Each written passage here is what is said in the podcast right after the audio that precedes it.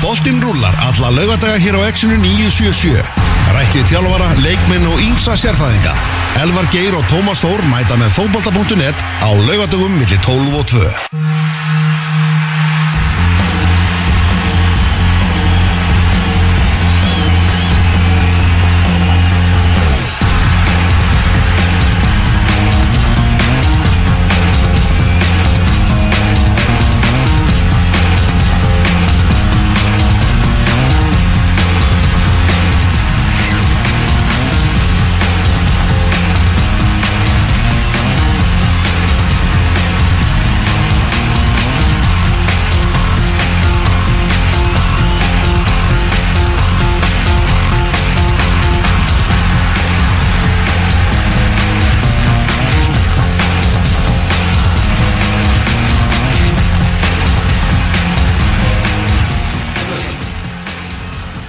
Komið þið sæl og blessuð og verið velkomin í útastáttin fótbolti.net lögadaginn 31. oktober oktobermánuður að klárast Elvar Geður og Tómas Þór með eitthvað til klukkan 2 í dag.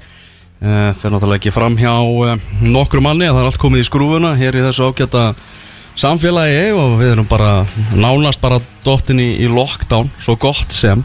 Uh, megum, megum ekki lengur fá gæsti í, í þáttin okkar Nei, sem er leiðilegt því okkur fyrst nú alltaf uh, gaman að hafa hér, hér gest kvæmt og viljum alltaf frekar fá menn í í hljóðveri og hætti er frekar en að, heyriði með síma en við erum svo sem öllu vanir í þessu. Búin að fara í gegnum eitt COVID og við höfum nú tekið ófá símavittulunni gegnum, gegnum tíðina sko en, en svo ekki þess að hafa menn með okkur sko. Það er algjörlega þannig sko.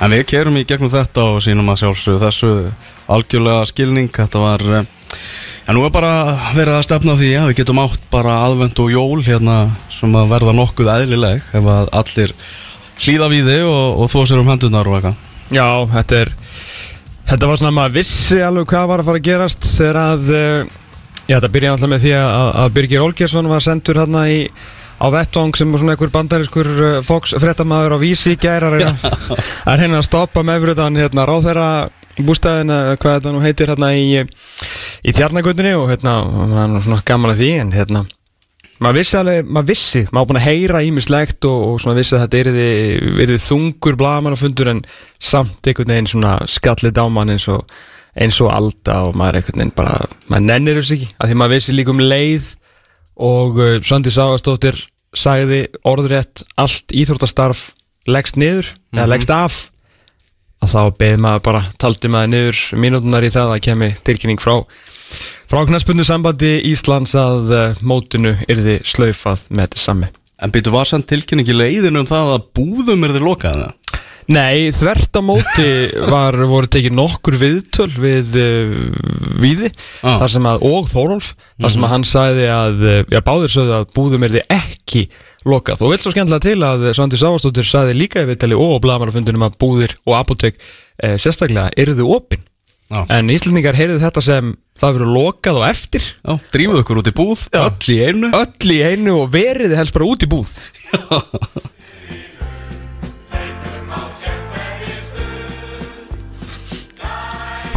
Já, valsmenn eru léttir í lund.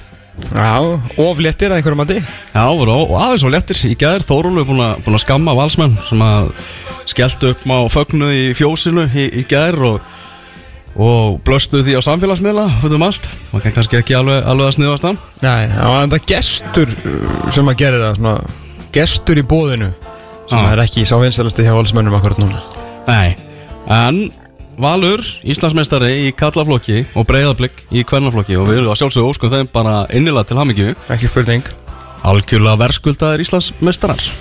Já, til uh, allra lifandi lökku er, uh, er þetta óumdildir Íslandsmeistarar í, í ár. Þannig að uh, hvernig sem að verður. Ég talaði um restina af mótinu og hérna og náttúrulega leiðileg hvernig, leiðileg, hvernig fattbáratan fór í Pjóks Kvenna, þar sem að Káurliði fór hvað, 43 sásunum í sótkví og 84, hvað, 50 leiki eftir og svona þannig að það verður hægt að að það er þetta svona svekkja sig verulega á, á niðurstöðunni þar fallbáratan í, í Pjóks Magstild Karla. Löngu löngu ráðin og sem fyrir segir Íslandsmeistararnir uh, óumdildir uh, það verður það verður ekki tekið af valsmönnum og þeir voru bara langt bestir í ár og bara frábælega gert af þeim. Frábær endurkoma heimisku og svona í íslenska boltan fekk hérna liðið upp í hendurnar sama fótboltalið og uh, bara púpaði börsurnar á síðustu leitið það voru sára litla breytingar. Gerði mér þess að leikmann sem að já, leikmann eins og Lassi Petri sem að uh, menn voru nú á því að gæti nú ekkert í, í, í knaspinu á, á síðustu leitið þar áttum að svona við reyndum nú að benda á annað hann væri nú alveg góður, þetta var bara ekki að ganga hjá honum sko en svo einhvern veginn urðu allir voða miklu snillingar í, í ár þegar þeir fóru að benda á hversu góður hann væri en það er rétt, hann gerði ekkert í fyrra en það sást samt að á mikið í hennar mann spunnið. Uh, ákvörðunum að hérna svona hvað sína, sína auðmygt í missefnari hvað að segja, missefnari hei, missefnum kaupum eða, eða félagskiptum á, á Magga Eils Mhm. að að setja bara, setja hann út úr liðinu þráttur að hann er svona leikmaður sem að heimir tók með sér Mhm. uh, og átti greinlega að spila þarna með ráðu með þetta áður en hann var bara ekki nógu góður, hann var ekki jafnlélegur og fólk vildi nú meina að þetta var svolítið svona overreaction Monday eftir hvert einasta leik en það fyrir engum, engum blöðum um það að fletta. Að Valgi Lundal var margfalt betri og bara mögulega bara besti vinstri bakurinn á, á Íslandsmótinu. Fyrsta sinn sem að það er að kjósa þá fyrsta sinn í langan tíma sem að besti ungi leikmaður vals spila mínútu. Já, nákvæmlega. liðinu, það er nú ekki gert svona síðustu síðustu ár, nei, nei, menna þú veist, þeir voru bara allir flottir, Patrik Pedersen, mögulega besti leikmaðurinn sem við höfum séð bara síðan ég veit ekki, Allan Borgvart eða eitthvað eh, bara allir, allir, allir mjög flottir, skipti um, um kerfi það svona fór farið í sigga lágur aftur út á kantinn. Uh, tók ákvarðanir sem hann uh, stóð og fjall með, síndi líka auðmygt í því að til dæmis að koma aftur með Eða Aron inn í liði þáttur að Eða Aron hefði verið mjög svona vókal um, um, um stöðu sína. Var ekkert að refsa honum fyrir það leða honum bara að blása hans í fjölmjölum og segja það sem honum, segja sem honum fannst. Uh, endur uh, hvað var að segja að landsleismennir okkar hefur gengið í endur nýju líta. Hannes Þór Haldarsson besti markur í mótsins Birkjum Bór Sæfarsson langbesti hæri bakur í mótsins og þetta er einhvern veginn small alls bara hjá valsmennum sem voru bara langbestir og eftir þetta ótrúlega tap gegn uh, skagamönnum hann í byrjun móts Já. þar sem að uh, þeirra hennu geta verið sko fjögur eitt yfir eftir 20 mínútur en endur með að tapa, þú veist hvað, fjögur eitt eða eitthvað. Að þá bara voru þeir nárast óstöðandi Mhm, Algjörlega og þráttur að þetta mót hafa ekki verið klára þá bara eins verðskuldar Íslandsmeistarar og, og þeir finnast sko. ekki spurning, ekki spurning og það er, maður bara fagnar því að þetta muni ekki ykkur einu stíu og maður þurfa að horfa í, í lokaleikina það mikið, það þarf kannski meira að gera það varandi, varandi Európa-baratuna og niðurstaðan kannski ekki ekki, ekki kannski, hún er bara veist, ekki eins sangjörn og hún getur verið með því að klára, klára þetta mótið en, en það er alveg, alveg alveg tandur klárt að uh, Valur er besta fótballtalið í kallaflokki og breyðablík í hverjum flokki þannig að mm -hmm. verðskuldar Íslandsmeistarar eru og þeir með að, með svo sannlega kallast Íslandsmeistarar fram á, fram á næsta ár. Mm Áður en við skoðum bara að loka stöðuna í Pepsi Max Delt kalla þá uh, förum við kannski aðeins yfir það hvað ætlum að gera hérna eftir. Við ætlum að heyra í þremur heiðusmönnum það er Bjarni Guðjónsson sem ætlar að vera á línunni hérna uh, eftir klukkutíma og svo, klukkan eitt og uh, ætlum að ræða við hann náttúrulega um niðurstöðuna í, í mótinu og káringar náttúrulega súr og svektir Já, Palli Kristjáns, Pál Kristjánsson formagnarsbundilda K er búin að vera í vittali núna ég held að sé búin að taka alla hringin Mhm. taka alla fjölmjölina og er sjálfsög er mjög ósáttur við bara þetta þessar slöfun, þetta hefur mjög mikil áhrif á K.R. sem að missir af Europasæti því að þeir áttu tvöfaldar sens bæði með því enda móti vel og enda í, í topp fjórum eða topp þreymur jafnvel í deildinni og svo voru þeir líka í undanúslutum í, í byggarnum og ekkert óvanir því að vinna byggar og vinna leiki á, á stórum stundum. Þannig að maður takk fyrir. ríkjandi í eitt ári viðbót. Herðu, ég skal segja ykkur það, þetta er, þetta er skemmtileg tölfræðina fyrir ykkur, ég geti tekið þetta með ykkur inn í daginn. Uh, Það eru bara Reykjavíkulið sem hafa unnið byggarinn tvö ári röð á þessar öld. Fylkir 2001 og 2002, Káir 2011 og 2012 Valur 15-16 og núna Víkingur 2019 og 2020 Ég skil ekki að hvernig þetta ekki spila við erum Víkingar líka. Já, ég get ekki hendið það. Já, en hérna En við vorum nú bara dannaðir, uh, við tókum bara svona zoomfund eins og uh, blika konur sem að unnu svo sannarlega svona samfélagsleikin í gær, syndu, syndu mikinn, hvað var að segja, syndu, syndu svona ástandunum mikla virðingu og voru bara fögnu Íslandsmeistratillinum á, á Zoom og við, við vikingar gerðum það líka, ég var bara með, með Peróni í dós bara heima og hérna, við fögnum, fögnum vel og innilega þessum öðrum byggameistratilli í röð, Arna Gullnáns heldur betur að fara vel á stað. Já, eitthvað sögulegt að vera ríkjandi byggamestrar en hafa tapað síðasta byggarleik sem þið spilaðu sko. Já, það er oft sagt What have you done for me lately uh, Við töpuðum við samt unnu við Þannig að, Er þetta ekki eitthvað allt hann að laga? Ah, jú ah, ah, Þetta tókst ekki. Það mátti reyna, það Mátti reyna. Heyrðu, ég þetta er alltaf líka að tala við eh, Ólaf Ingar Skúlason, hann verður bara á línu hérna rétt á eftir og uh, fylgismenn náttúrulega mestu líka Evrópu, Mhm. það má ekki gleymast í, í umræðinni uh, Þrjusu flottir á, á þessu tímabili en ná ekki í, í Evrópu og heyr mjóla skúla hennar eftir. Og svo er það Úlfur Blamdón sem ætlar að vera á línunni okkar sem fæði einhverjum lengjudeldin og ætlum að fara með honum aðeins svona yfir niðurstana sem að þar var. En uh, kíkjum aðeins á bara lokastöðuna. Valsmenn 2,44 stig að meðaltæli legg það er það sem að ræður úslitu núna. Það er meðal stigafjöldi á legg 2,44 Já, Vá, það er rosa mikið. Það er rosalega gott. Herri, ég er bara að fatta þetta núna. Maður er ekki búin að kíkja þess að töða náttúrulega, það er aldrei fótbolti spilaður sko, þannig að maður er volið að pæla í þessu. Eru 14-2-2 mm 50-17 í markatölu. Bila góður. Eru shit, hvað eru, þeir eru betri heldur en ég held sko. Já, þannig er það. 14-2-2 50-17 Nákvæmlega. Shit, hvað eru langbæstir, ok? Hefur F á einhverju öðru sæti með, með tvö stiga meðaltali í legg Já, og þar voru nú breytingarnar heldur betur uh, flottar hjá, hjá Bjarnar Þór og, og félögum á baku tjöldin uh, hjá, hjá F-fáingunum uh, Náttúrulega, ég verðist á að gerni allt þess að þjálfara ráningu með, með Eður Smára og Lóga Ólasinni því að þeir hafa varla litið um axl síðan að þeir mættu. Trilla sér upp úr já, meðal mennskunni sem var kannski svolítið í gangi hérna í, í byrjun móts og, og síndu hvað var að segja, var svona mikill mikill vilji hjá öllu félaginu til þess að fara að reysa sig aftur upp í þær hæðir sem þeir hafa verið vanir á, á, á þessari öld. Menna uh, það voru fleiri liði í barátunum ekkir Gunnþór Jónsson og það svo sem þarf engan uh, þarf engan svona fjármála snilling til átt að segja því að þetta eru það eru fjármunir bundnir í því að fá svona mann heim á, á, þessum, á þessum tíma á þessum aldri nýbúin að vera já, leiða lið uh, Sönnur Ískið sem er toppnum í Danmarku núna uh, til byggamestaratitils þannig að uh, það var leikmæður sem þeir vildu fá og hann svona samhlega þjálfurunum svolítið gjörbreytti ásýnd F-fóliðsins innan vallar og fengu hérna svolítið nýjan Davíð Þór Viðarsson inn í þetta.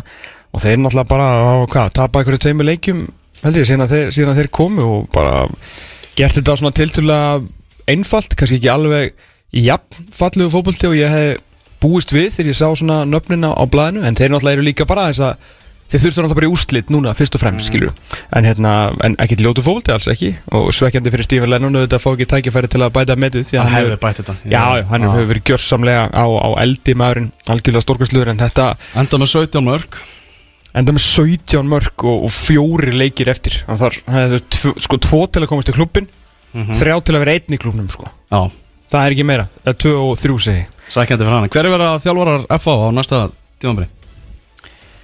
ég veit það ekki. Ég hérna sko Eður Smári Guðnarsson Já, Verður. og, og svo er það bara og Spurningamerki. Og spurningamerki.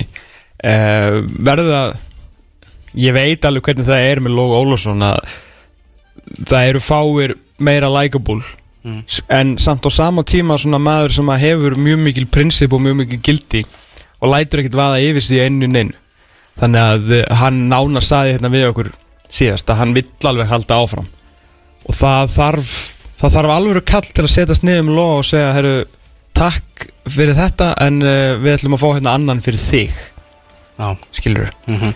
um, ef það er rétt að Davíð Þó Viðarsson sé að koma inn í þetta þá verður einhver að fara. Þannig að annarkvort verður það uh, logi eða lögi en mín held ég sko. Skilur Já, þeir verða bara þrý, þeir verða ekki fjórir. Það er ekki til, ég trú ekki þessi fjármönu fyrir því. Nei. Þannig að hérna Þannig að já, ég, ég veist að ég bara get ekki, get ekki svaraði því að hérna, það náttúrulega hefur verið frábært allt ég að giska á og, og svona með það sem maður hefur heyrt frá bara bæði Eyði þegar við erum að spjalla og frá loga síðast að svakalegu munur fyrir Eyða að koma inn í þetta með svona reynslu mikinn mann með sér sko. En að samanskapið sagði Logi líka að hann er ekki að kenna Eyði smára eitt neitt sko. Nei, hann kann þetta allt saman. Hann kannski var, allt saman. kannski var Logi bara að íta hérna einhverju, einhverju þjálfara skútu úr vör sem að hérna, verður síðan frábær. En hvað heldur þú að sé langt ef að Eður Smári heldur áfram að gera góða hluti? Bara að sé í toppártunni og jafnvel vinnur titil eða eitthvað sluðis Hvað heldur langt alltaf fyrir út? Þetta er lang stærsta fótboltana Íslendinga frá upphafi, punktu basta Mhm. Þú veist, ég, ég, ég er ekki það deila- sem mjög stutt Ég, ég er ekki alltaf fyrir ekki að deila um sko hvort, hvort er betra spark í fótbolta Gilvi, Eyður, Ásgeir, Arnór Fattur Ég nenni ekki að taka þá umröða núna En þegar kemur að nöfnum Já, bara þú veist, það er, og þó að Gilvi þó segir svona sko, sé bara fleiri leiki neður í Premier League, fleiri mörg og fleiri stóðsendingar hann spilaði um Barcelona og Chelsea Mhm. bara, Gilvi er ekki í saman nafnið þó þurfa að sé alveg á pari við Já, hann já, í ég getu, mynd að það er alla formennin og fósettana hann úti í Evrópu sem að bara heyra því að Good Johnson sé að gera bara flotta hluti á, á Íslandi í þjálfur Nákvæmlega. Og þetta snýst bara um tengingar. Einu, einu þjálfurinn, ég meni ég hef sagt þetta áður Það má alveg benda á þetta. Rúnar, þjálfur Lókaren og uh, hérna Lilleström og Lilleström, liðin sem hann átti svakalega sögu hjá og, og félagar hans að stýra þessu. Óli þjálfar Norsjöland og reyndar Randisvekk hann alltaf bara út á góðan árangur hann fekk skilur sæti í leiknum út á, út á vinsinn ah, þannig að uh, ekki segir áttu ekki skilið ég bara segja þú þart svona að hefni í þessu. Mm Þarf það að hafa sambönd. Já, það að vera sambönd og það að hafa verið eitthvað stór og þætt eitthvað, þú veist, oft, oftast er það þannig, skilur Já, Það- það, það- er bara þannig, ég meina Pepsi Max deildin hrikalega lágt skrifuð á Evrópumælikvarða Mhm. og menn er ekkert að skoða íslenska þjálfara hann bara út af engu sko. Nei það er bara þannig. Nei. Já, ég Já, og líka, þú veist, ef, að- ef eitthvað lið í Norri Já, er svona að hugsa bara, wow, byrju, Eður Smári byrjar að þjálfa, byrju, hver þekkir hann hérna ágætlega, hver þjálfa, já, Óli Gunnar Solskir, ringi Óli Gunnar bara, hvernig er Eður, já, það er fantastísk, Já, þú veist, það var þetta bara komið. Já, já. Stjarnan endar í, í þriðja seti deildarinnar, ánægja efni fyrir þá en það er bara félagi reki með það að þeir þurfa að vera í Evrópa hverju ári eins og Rúna Páll saði og, og þeir náðu í Evrópu og, og náttúrulega skrautlegt tímabil mjög hjá þeim náttúrulega síkist leikmaður og liði í sótkví og, og allir sápaki Mm -hmm. uh, Þannig að stjarnan, stjarnan klárar þetta í Evrópu Breiðablик fer einn í Evrópu í fjórða sætinu sem hann það sem að byggarinn náttúrulega ekki spilaður þannig að Nei, fá já, við vikingar gáum eftir Evropastæti okkar, sko. Já, það er þannig. En uh, Gunnar Byrkisson, félag okkar Hann kom nú með, með, með góðan punkt varandi þetta fjórðarsætti á blikum Thomas. Já, ég hérna það er margt sem að, margt sem að byrja þessu sko. Breiðablík er með 18 leiki og 31 stig. K er með 17 leiki og 28 stig.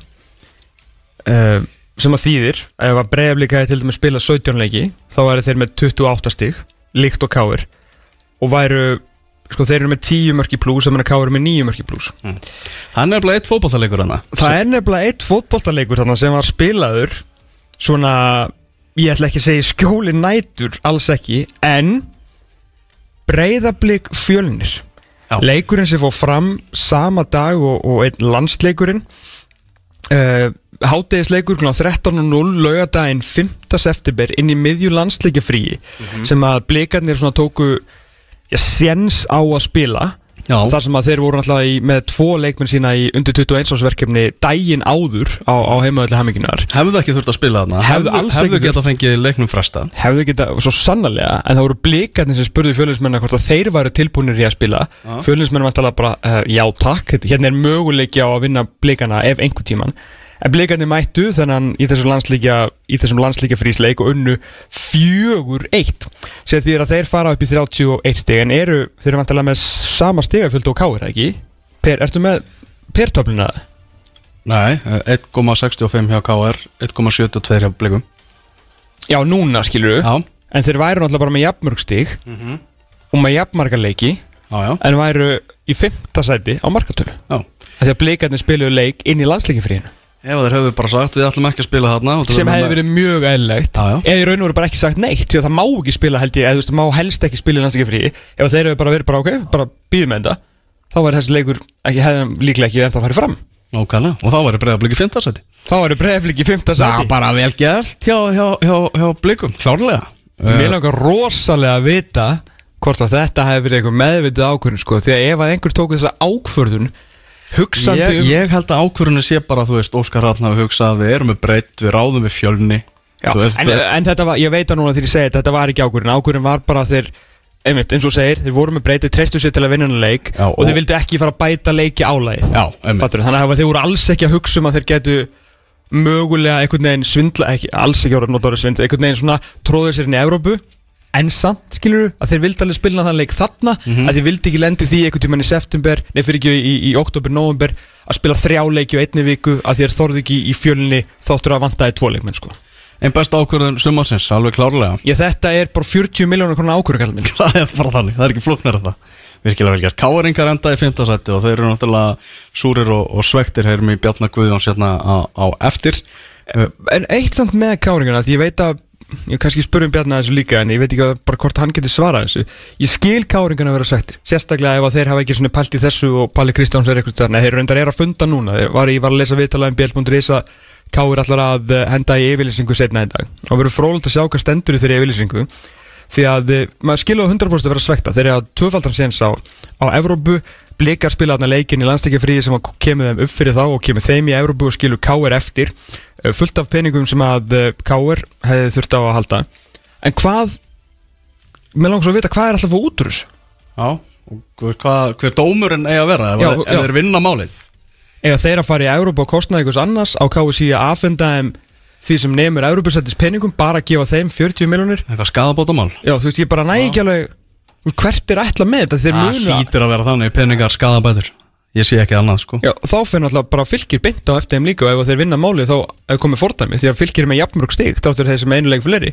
Já, já, að því að þú veist fót, það sem eftir er af mótinu ég skil ekki, þú veist að Palli er náttúrulega sjálfsögur lögfræðingur eins og pappas og bróður hans og himbróður hans sko.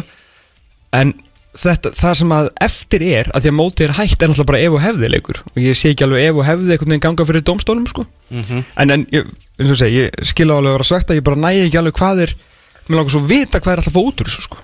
Bara dæmt bara að mótið skal klárað eða eitthvað, ég veit það ekki. Meina, það tekur eiginlega heilanga tíma að fi- finna eitthvað út af þessu. Ég meina, öll þessi málaferli sem er í gangi í Evrópu Já. Þau eru bara ennþá í, í einhverjum skjálamöppum sko. Já, kannski vinnur bara káir málið og við fáum hérna turneringu í kórnum bara í janúar. Þú veist kannski að það sem þið vilja, ég meina það er ekki eina sem þið geta fengið. Ég meina þeir fá Já. ekki Európusæti og þeir fá ekki pening myndi ég halda. En þá myndi þeir þurfa bara að spila þessa leiki Mhm. En síðan alltaf má ekki gleyma að þeir eru með 28 stig. Og hvað fara mörg, liði, mörg stig í HK fjölni gróttu. Það er glás Nákvæmlega, þeir eru að tapa þarna stigum á móti ólíklegustu anstæðing Fjölnir heima, fá eitt stig í heldina múti HK uh, Eitt stig á múti gróttu heima. Já, ekki nægilega gott. Þetta er bara alls ekki nú Ekki Evrópu gott.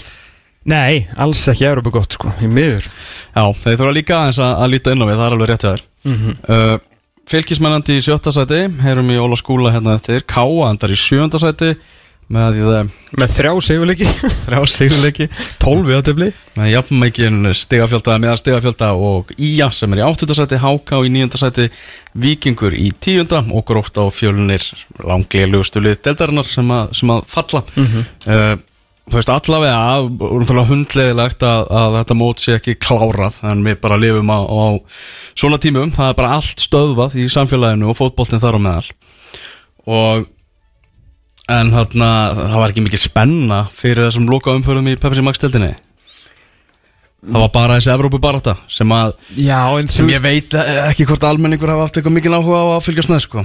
Nei, ekki nefnum bara stuðningsmenn þessara liða. uh, Þegar þú ert ekki baráttu um neitt skilur það vissi allir að Valur væru áfram uppi og, og hérna og hinlegin var, nei fyrir ekki að Valur var Íslandsmyndstur og hinlegin hérna að falla grótt á, grótt á fjölnir. Og hérna, þetta náttúrulega eru á þessum síðust og verstu tímum hefur Európusætið aldrei skipt meira máli. Nei, Þannig að, eh, já, mögulega skilur Það er, ef að segja að það hef ekki skipt aft miklu máli síðan Íslandsmóti 2009 bara þú veist, eftir já.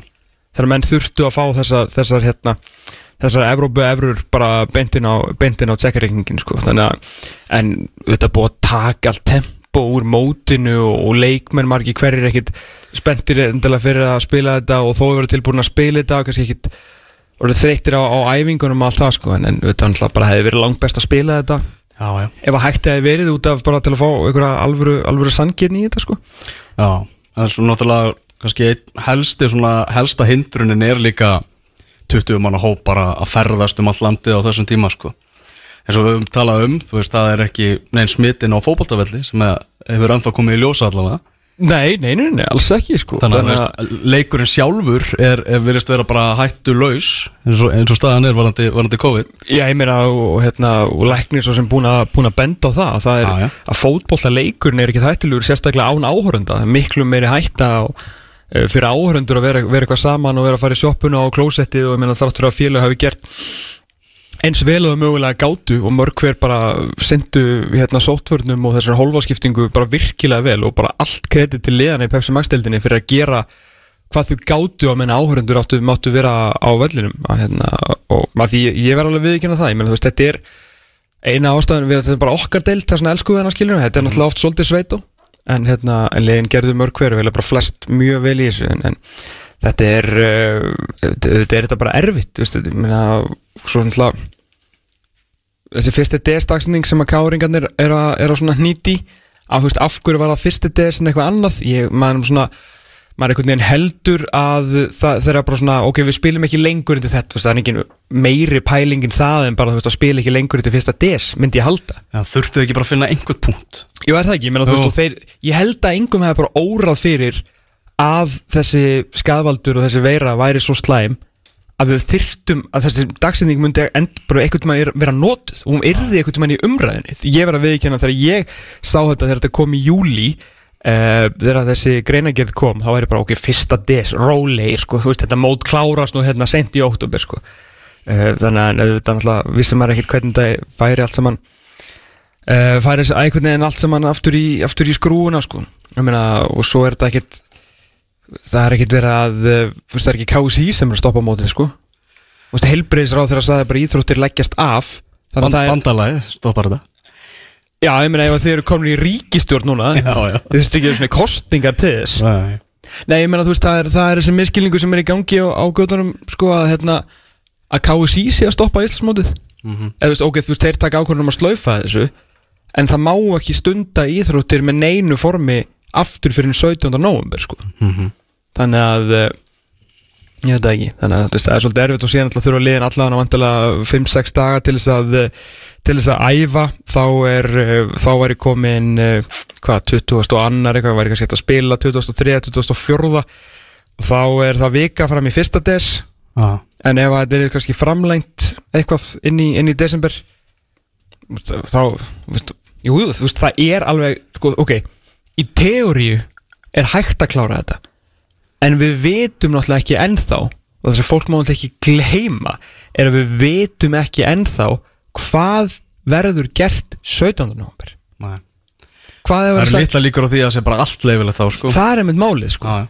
Þú veist, hversu lengi, það er náttúrulega það sem að ástæðan fyrir að Guðni var að tala um hvað þetta væri erfið ákvörðun er að þú veist það er þessi óvissa sem er að drepa Nákvæmlega. og sem er að gera út af við leikmennina því að það er sagt ok veist, ef þeir eru farið hérna farið eh, ég vil ekki tala um að fara í lið með ennu neinum því að hérna, veist, ég er að reyna að forðast þessar flokkarskiptingar skilju en ef þeir, ef að KSI er bara ok, við, ver, við bara við klárum þetta mót við ráðum það dáð núna segjum við nýdagsending 12. desember, við ætlum að spila inn í miðan desember ok, flott, skilju, þá er það bara einhver ákvörun og hún er bara fín ekkert öll félagum kannski ánað með það en þetta er ákvörun frá KSI þá þurfa þeir að vona að 17. desember segir Svandís 17. og, já, 17. november, fyrir ekki, já. 17. november segir Svandís allt lift Já.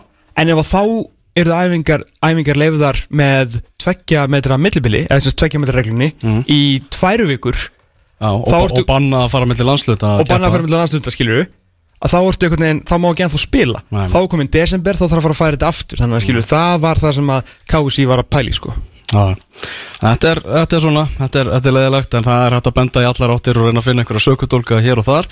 En við ætlum að heyra í Ólaf Inga skúla sinni eftir augnablík Áframeldur útastátturinn fótbolti.net Þannan laugardaginn, það ætla ég að fara að mynda hérna símtækið. Við erum, verðum nóg í því næstu vikunar Þegar ekki með við takum átti gestum.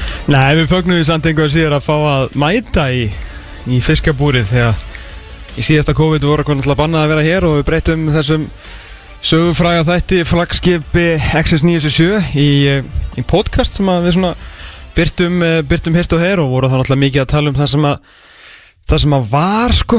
Ég er svona aðeins farin að ótta staðið mitt að það styttist ég að maður fara að tala um þá er alveg betra að tala um var heldur en, heldur en það sem Halló. var skilur mig. En á línni er uh, Bjarni Guðjónsson aðstofað þjálfur Nei, nei, það er ekki skúla Það er Ólafur Ingi Skúlason, fyrir ekki Olmen, ég er búin að rugglaðast á tímasetningunni það... Óli, Herra, já, við þurfum að kveikja, hvernig var þetta? Þetta, heyrir okkur núna? Já, er ykkur. Hanna, Hanna, það var gott. Þá heyrðuður ekki kynningun á hann þegar ég sagði að það væri Bjarni Guðjónsson? Það var mjög gott. En Ólafur Ingi Skúlarsson, spilandi aðstofþjólari Fylkis er á línu Heill og sælunum, en hvað segirðu? Sæl Eirik, ég segi bara gott en þið? Já, við erum, við erum, við erum nokkuð brattir. Heru, Það er ekki meiri ekki meiri fótbolta á, á, á þessu ári. Hvað, hérna, hvað segir uh, Ólafur Ingi Skúlarsson við því? Hvernig var, þetta, í- hvernig var svona að fá þess að fréttir í ger um, Það var kannski svona viðbúið maður svo sem gerði sér alveg grein fyrir því að, að það ætti að fara að herða herða hér aðgerið að, að það er þá ólíklegt að það væri hægt að halda svona með við það sem að undan er gengið. Um, þannig að ég held að svona maður var svona búin að búa sig undir undir að vesta og vona það besta en, en hérna um, þetta er bara ákvörðun sem að sem að maður verður að virða og, og hérna og staðan er bara var það satt ótrúlega hérna bara í samfélaginu þannig að hérna og bara í, heiminum öllum um, og það er bara eins og segi það er bara þetta hefur maður vilja, vilja klára þetta en, en svona í ljósi aðstana þá hérna þá, þá erum maður bara að játa sér hann í því það er bara slúðis E- Ertu búin að vera á svona spila áfram vagninum alveg svona alveg harður í ykkur tíma eða varstu svona farin að sætta þið svolítið við, við ástandið? Sko, um, klárlega ef, að- ef, að- ef aðstæður hefur verið þannig að við hann geta farið á stað núna bara í byrju nóvember og, og þú veist, þá hefði það bara verið frábært að geta klárað þetta bara í nóvember en, en ég held að sé ekkit rosalega margir spenntir fyrir því að taka núna þrjár vikur í útillaupum uh, og reyna að halda sér við og, og, og byrja svo eitthvað tíman undir lok mánaðarins í hugsanlega í snjó og, og mínusgráðum, ég meina menn hefur náttúrulega lagt á sig en, en, en svona, eins og segi, þetta er náttúrulega, þetta er náttúrulega súrt uh, en á sama tíma verður maður bara að skilja að aðstæður eru bara þannig að, að þetta er bara finnilega ekki gerlegt og hérna og ég svo sem eh, hérna maður bara skilur það alveg og, og við verðum bara einhvern veginn að, kynkja þessu og, og bara kannski eh, fólk náttúrulega talar um að fótbolt sé í gangi í öru löndum og, og, svo leiðis og, það er kannski eitthvað sem að svona, kannski ítir undir það að, að þetta verður, verður hérna svona, maður verður pyrraðari á því en, en, en hérna við kannski lifum ekki alveg við sömu aðstæður og, og önnur lönd með sérstaklega þessar efstu bildir að við erum náttúrulega ekki, getum ekki búið til hérna einhverja bublu fyrir leikmenn og leikmenn er að fara í, í vinnurna sínar og, og jafnvel í skóla og annað þannig að hættan á smiti er kannski, kannski meiri hér, hér varandi það en, en en eins og segi, þú veist hvað á mann að segja þú veist, þetta er bara þetta er bara slæmt ástand bara fyrir margt fólk, fólk og, og, og þá kannski lendir, lendir fótbollin ekki alveg beint í fyrst seti Nei. Og nú hérna, svona, þá, þá fáu leikmenn sem maður hefur náða að hitta á eða heyri og, og þjálfara undanfærið að maður vera að spurja út í, út í þennan tíma. Uh, náttúrulega óvissan verið erfið fyrir ykkur, bara náttúrulega leikmenn og, þjálfara en, en þú ert nú einn af sem sárafái í dildinni jafnvel svo eini sem er spilandi þjálfari, þannig að þú þátt bæði að, að hérna, halda strákunum þínum uh, einhvern veginn við ef- efnið sem ég hef heyrt frá nokkru þjálfurum sem orðið mjög erfitt og það er náttúrulega sjálfur að halda þér við efnið hvernig, hvernig er þetta búið að vera? Sko, þetta er náttúrulega bara búið að vera þú veist, þetta er búið að vera og þá var svo búið að vara mig við því uh, fyrir tíumvilið að, að, að þú veist, þetta væri væri yrði alltaf erfitt að vera eins og segja með hausinn og í ykkur leikjum og klippa og vera í, í hérna í leikreiningu og öðru og, og pælingu með uppsendingu og æfinga og, og annað og, og þurfa svo að gýra sig upp sjálfur líkamlega og andlega í að vera svo feskur á, á æfingunu og, og, og, og í leikjum. Um, þannig að svona heilt yfir í sérstaklega í þessu árferði þar sem að þetta er búið að vera mikið start og stopp Mhm. og þá uh, það gerir þetta bara erfiðar á öllum frontum um, uh, ég myndi segja bara að búið að vera veist það er meira kannski óvissan á- áður en að maður fekk að vita og geði við förum á stað 8. november þá svona uh, ertu í svona einhverju, einhverju svona millibils ástandi sem er mjög óþægilegt og, og erfitt svona kannski að vinna úr og þú veist ekki nákvæmlega uh, kannski hvað má gera og, og hvað, hvað ekki og, og hvernig er best að haga þessu og, og, og svo er náttúrulega bara, þú veist, bara leiðilegt sem að fókbóltum að gera er að, er að hlaupa sjálfur í einhverjum eindivan hlaupum hér og þar uh, með púlsmæla og eitthvað og, til þess að halda sér við fyrir Mhm. hugsanlega endur upptöku á mótinu uh, þannig að auðvitað hefur þetta bara verið erfitt fyrir alla og, og kannski svona ágæti skóli, ég menna ég held að það er margir sem að hafi bara þú veist, bara þurftum að býta á jakslinn og bara keira þetta í gegn og halda okkur við og það var bara gert og, og, og, og hérna en því miður þá, þá hérna verður slaufa núna en, en auðvitað búið að vera búið að vera skrýtnar aðstæður og, og svona sérstakar bæði, bæði á þjálfarfronti og, og sem leikmenn mm. það, er, það er bara þannig og ég meina blessun og lega eh, höfðum, höfum við, höfðum við eitthvað við að keppa. Meina við áttum fjóra leiki eftir og og kannski svona þrý, þrýra þeim leikjum eru, eru vinnabúr leikir fyrir, fyrir okkur.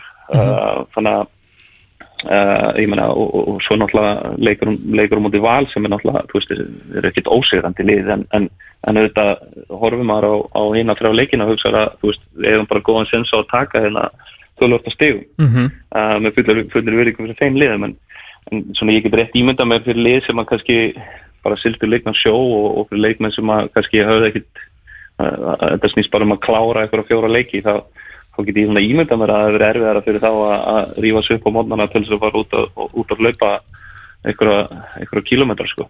Já, það er kannski talandi einmitt um það að, hérna, Palli Kristjáns búin að taka hérna, rúndin á fjölmjölunum allir er náttúrulega búin að ringi í hann og þeir eru, eru brjálæðir en þið svona af þessum liðum sem að, já, hafðu það einhver að keppa hafi verið alveg, já, merkilega rólegir, sko, svona í einhverjum, í einhverjum yfirlýsingum og, og, og, og já, Ég- tala um þetta bara ég, þú veist, hvað á maður að segja? Ég meina, það er, það er ekki það er engin, þú veist, það er engin að taka þessa ákvörðun eitthvað eh, létt. Ég meina, það, þú veist það er klárt að þetta hefur verið mjög erfið ákvörðun fyrir, fyrir KSI að taka og, og ég meina, þú veist það, það er engin aðeins bara til þess að skemma fyrir ykkurum eða, eða af því að menn bara taka þann pól í hæðina að þið nenni sig ekki lengur. Það er, það er aldrei alveg á hreinu að, að það er búið að öruglega að fara í svona alvöru vinnu í að skoða þetta. Hvað, er, er þetta raunæft og er þetta bara möguleiki? Um, en ég held að,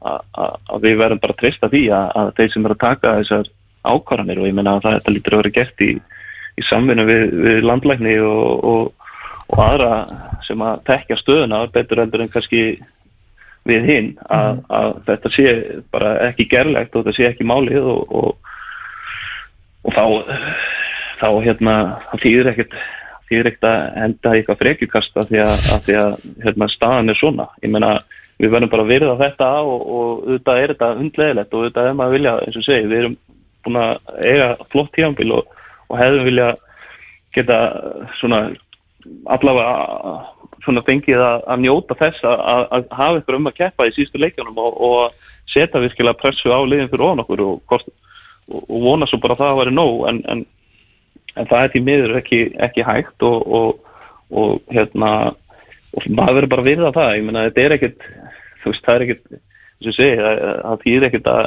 að henda í eitthvað, eitthvað frekju. Staðan er bara þannig að, að, að við erum bara hérna á, á þessu fordómelsu tímum og, og það er bara það eru bara, eru bara skrýtnar aðstæður og þetta er bara, hérna, það eru bara þannig séð, ég meina það eru bara mannslíf í húfi og ég meina ég er með, ég, meina pappi minn er, er hérna uh, hefur verið var nú, er útskrifaður bara hérna læknaður að krabba minni í lungum og ég meina hann náttúrulega má alls ekki fá þetta, ég meina maður er náttúrulega þegar þetta er nálagt manni, þá skilur maður alveg að, að staðan er bara þannig að það er ekkert hægt að, hægt að vera að taka ykkur að sensa með svona. Mm Akkurat, og það tala áðan um líka hérna, leikmenn í liðu sem hefur enga að keppa, ég talaði nú eitt sem að hérna, er í- hjá landsbyðaliði sem hefur ekkert að enga að keppa og þau eru búin að æfa náttúrulega án það var bara að æfa venjulega upp á, upp á síkastið en hann sagði að það að menn myndi bæta sig meira sko því að vera heima hjá sér heldur en að mæta á þessar æfingar því að haus sem væri svo löngu farin hjá mönnum sko. Já, og ég, ég, ég skil það vel að, að, að þetta er búið að vera langt og stránt og þetta er búið að vera hérna, start og stopp og, og svona erfitt að halda einhverjum rithma í þessu um, þannig að eins og ég sagði á hann ég, ég skil það vel að það hefur verið mjög erfitt örgulega fyrir þjálfara að reyna að mótfjöra menn til þess að svona halda sig gangandi þegar það eru fjóru leikir eftir sem kannski skipta ykkur liðið yngum máli. Um, og það er líka kannski, þú veist, ósakett kakvað svo öðru liðin sem eiga svo að mæta mæta liðum í, í mikilvæg leikjum uh, sem að hafa einhver að keppa og hafa kannski ekki sint, sint í að æfa eins og vel og önnur lið sem að hafa einhver að keppa og þannig að maður hefur ágjur líka ef maður hafði ágjur að já, það væri þá kannski um, fótboltin er kannski ekki, ekki, ekki svo besti uh, í þessum síðustu umferðum. En, en eins og segi það er að því er svo ekkert að pæli því núna. Þetta er bara því miður bara búið að flauta þetta á og aðstæður eru bara þannig og, og við erum bara að lifa með því Mhm. Við tölum aðeins núna bara um fótboltan Óli, bara og tímabilið við bara horfum á þessa leiki sem að þeir fylgis með spilið þið hafna, er ekki að prófa að segja það þið tóku mörg mjög jákvæð skref á, á þessu tímabili Jú, ég held að sé alveg, alveg óvægt að segja það. Ég held að hérna, ég er svona kannski stoltastur að bara að við náðum svolítið að finna svona kannski við höfum verið svolítið brokkengur undir farin ár. Það hafa komið mjög góði leikir og svo koma mjög, mjög slæmi leikir uh, og ég held svona, svona fundum hennan stabilitet og vorum jafnir svona meira og minna í gegnum tímabilið. um, voru að vinna eða bara ölliðin hann fyrir neðan einhver Já, já, og, og hérna vinnum F úti, vinnum KR úti og, og ég meina, þú veist, bara stór skref á sama tíma það sem að maður er kannski stoltastur að eru, eru ákveðin uh, kynnslóðaskipti í, í gangi hjá okkur.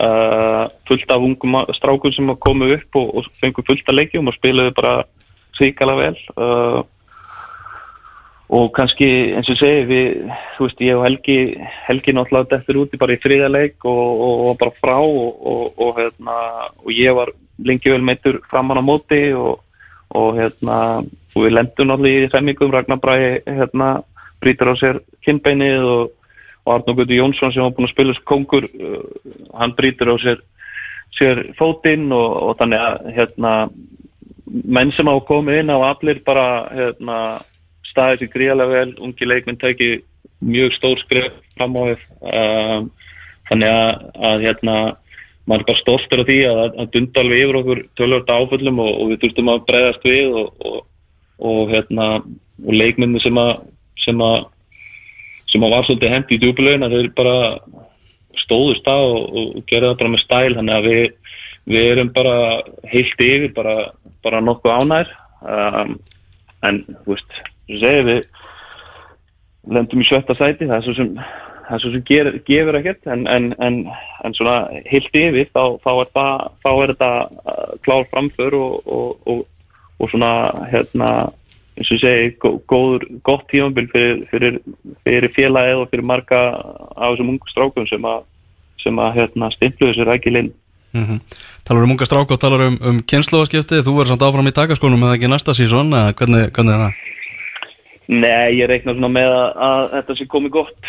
Ok. Um, það er svona, já, ég er svona búið að svona, uh, ég, ég hugsa það. Ég, við getum ekki sett þetta í, í staðfest svegan alveg strax en, en, en ég held að ég held svona að það er búið að svona blunda í mér. Ég meina, ég, ég hef á, að- þjálfa og, og, og, og þetta er þetta er, eins og ég talaði um áðan þetta er ekkit, hérna, þetta er ekkit auðvitað í heimi að, gera bæði um, og eins og ég segi, maður er ekkert að yngjast og maður er ekkert hérna, kannski, kannski bara svona andlið þátturinn að geta, geta gert frekar einhvern eitt hlut og gert hann enda betur heldur en að vera á báðum frontum svona, sem hann er kannski ekki alveg að að hérna max, maxima þessara báða hluti. Um, þannig að ég er svona ég er svona reikna með því að, að að hérna að þetta sé bara komið gott. Uh, pluss það að mér finnst bara uh, við vera koni með þannig stráka núna að, að, þeir eiga bara að geta geta hérna tekið við þessu og, og, og við erum að, veist, mjög sterka miðju núna og, Arnó Guði Jónsson kom náttúrulega frá afturlíku kom mjög sterkur inn og Niklas Val búin að vera frábær og, og svo erum við náttúrulega fá unnar og svo fengum við náttúrulega orra hrappn heim og þannig að við erum vel mannaðir og, hérna ég held að þetta sé bara alveg ágætis tímapunktur bara til að til að segja þetta gott þetta er með um góða punktur að hérna Örsa hérna á sín tíma þegar, þegar Siggi Jóns tóku vikingi sko þá hérna voru alltaf mennum að spá okkur hann var ekki að spila jafnvel bara í meðverðinum og hann útskýriði fyrir, fyrir stjórnina að jú, hann geta alveg spilað og verið þá langbestur í, í næstastu delta að hann myndi spila meðverðin en hvað er þetta þá Sölvi að spila? Væri hann ekki framtíðar landslismæður og, og framtíðar Sölvara þannig að veist, bara svona svolítið stegi hann til hliðar fattur mig og þetta er kannski Já. góð punktur á þér sem þjálfara ég menna að þið eru fannir að selja leikmenn út og bara um að gera, minnst þetta er bara upp á tekjurnar að gefa þessum ungu strákum tækifæri mínútur og mögulega gera það á söluvöru Já, ég meina þetta er líka, þú veist ég er löngu komin að mína besta skeiði sem leikmaður. Nei, látt í það, eru það eru hérna mörg á síðan að það fyrir mig að vera að krista út ykkur auka ár þegar þessi er kannski ekki þörf er, þú veist, það er ekki sem að, sem að hvorki ég hef áhuga á eða, eða ég held að sé heldur ekki, ekki það besta fyrir félagið. Ég meina mitt markmið uh, þegar ég kom heim var að, að, reyna að hjálpa félaginu að, taka eitthvað skref áfram og, og að reyna að geta stíð frá á einhverju tímumbúti þar sem að ég var í samfærum að, að, liðið var í betra ásynkomulagi eða félagi uh, til þess að halda áfram að þróast og halda áfram að taka þessi bara litlu skref í réttu átt Mhm. uh, uh, og ég tel að, að, við höfum farið svolítið langt á þessu ári um, hvað var það bæði leikmannahóp og bara identity og annað sem við höfum verið að vinna í og kultúr innan félagsins um, þannig ég held að, að þetta sé bara fýtt tími í svoleiðis um, og en á sama tíma þá náttúrulega bara verður að halda þétt á spöðunum og, og við, veist, við erum ekki ekki komnir í eitthvað hérna okkur endastöð, við viljum bara halda áfram að þróa lið, halda áfram að, þróa félagið, halda áfram að taka þessu litlu skref, þetta gerist ekkit í stórum stökkum, við þurfum bara eins og segja, halda þetta á spöðunum bara sem félag og bara halda áfram að, að fara í þessa átt sem við viljum fara og mjaka okkur í róliheitum í, í, í áttina í uppávið um, þannig að, að, að því litum til þá held ég að sé, eins og segi eins og þú talar um, það er alveg tilkvæmst fyrir mig að vera eitthvað að reyna nullast eitthvað hann áfram í, í, til þess að, þú veist uh, til þess að hérna til þess að svona bara af því að. Uh, ég held að það sé bara kom tími á að, um þetta að leikmenn fái, fái bara að njóta sín og, og fái bara að taka næstu skref og, og, og ég held að hérna það sé bara góð tíumbútur, ég menna Helgi verður áfram og, og hann, hann getur gætað og verið hana og, og, og, og, og hjálpa þeim inn í klefanum og, og það er náttúrulega bara fílít valjúbúl Já, miklu betra fyrir því að geta sagt bara ég hefði gert þetta svona svona Já, akkurat. Það er bara eins og segi, þetta er, þetta er ég er svona til að þetta var ákveðt tímapunkt bara að stiga frá sko. Já, 20 ára mestaraflokks fyrir þá að, þá að baki komst náttúrulega við, að varst ungur árum náttúrulega í, hjá, hjá Arsenal. Hvernig var að sjá hérna Íslanding spila fyrir Arsenal í, í vikunni, Rúnar Alex? Já, bara frábært. Það bara, var bara löngu komið tími, tími til. Vonandi, hérna, er þetta bara einn af mörgu leiki með honum. Uh, nú bara flottu drengur og, og, og hérna, flottu markmaður og eins og segja, hann er náttúrulega bara á frábæri stað, þetta er náttúrulega bara frábær klubur og, og, fyrir hann að hérna, fá leiki bæði í Európa-dild og, hérna og líklega í byggakefnunum uh, til að byrja með, það er bara rosalega gott fyrir hann. Ég held að þetta hafi verið perfect leikum fyrir hann að svona taka sín fyrstu skref í fullir í veringu fyrir Dundalk þá er þetta ekki hérna ekki, ekki svona besta lið besta lið í Európu í dag. Þannig að það var fínt fyrir hann að fá svona leik það sem að er kannski aðeins minna að gera að fá svona sviðskrekkin úr sér og, og, og, og svona þægilegu leikum til að byrja. Þannig að uh, það er bara frábært bara frábært fyrir, fyrir bara Íslendinga líka, þetta er bara alltaf auðlýsing við sjáum það bara eins og með andra fannar í, í, í á Ítalíu þú veist, um leið og einhverju menn eru, eru að spila og gera það vel og, og, og, og hérna þá þá er það bara þá er það bara alltaf auðlýsing það er alltaf þannig að alltaf innu fara þá þjóðir að líta byrju, já, það er bara á Íslandi og það ættum kannski að skoða þann markað og svona, þannig að allt svona skiptir miklu máli, þannig að hérna, það er bara, bara frábært. Ekki spurning, Kólaður Ingi Skúlusson takk hjá fyrir spjallið og bara til hamingi með árangurinn í sumar leðið þetta sé búið en hérna bara gaman að heyri þér Sömulegis, takk. Takk fyrir, bye bye Bye bye Góða helgi. Já, sömulegis. Þú ert að hlusta á fótbolti.net á exinu 977 Það var út eftir einn brjótandi tíðindi Wow. Stjórn knastmyndelar KR ákvað á fundi sínum nú í morgun að vísa ákvörðun stjórnar KSI um að hætta keppni í Íslands og byggamóti til áfríunar dómstóls sambandsins. KR telur að ákvörðun stjórnarnar er byggir og reglugjör stjórnar fari gegn ákvæðum laga sambandsins. Þannig hafi stjórn sambandsins ekki verið heimilt að ljúka keppni líkt og gert var.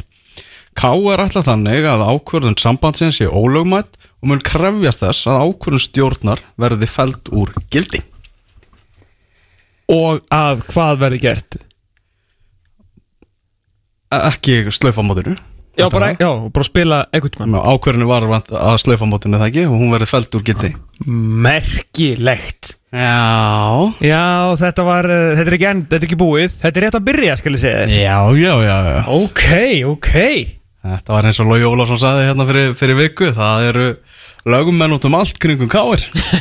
Þannig að þetta, þessu verður, verður svo sannarlega ekki, ekki lokið. Við ætlum að þetta var heyri Bjarnar Guðjónssoni, uh, aðstóðar þjálfara káringa, akkurat núna, en þá kannski að það er að segja frá því að hátíðsleiknum í anska boltanum, nú þarf að búið að breyta klukkunni, Sheffield United 0, Manchester City 1, City að skora. Manchester City búið að vera markvælt betri aðalinn gegn stálstrókunum á Bramall Lane þar sem að aðveri þessum leik en uh, Aron Ramstel ákveða að byrja að geta eitthvað í marki í þessum leik búin að vera virkilega flottur.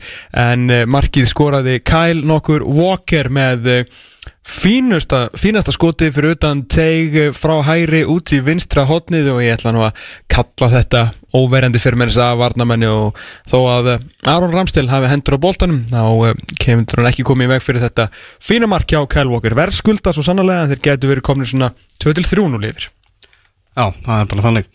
En við ætlum að fara að uh, ringja í Bjarnar Guðjónsson. Bjarnar, er þetta?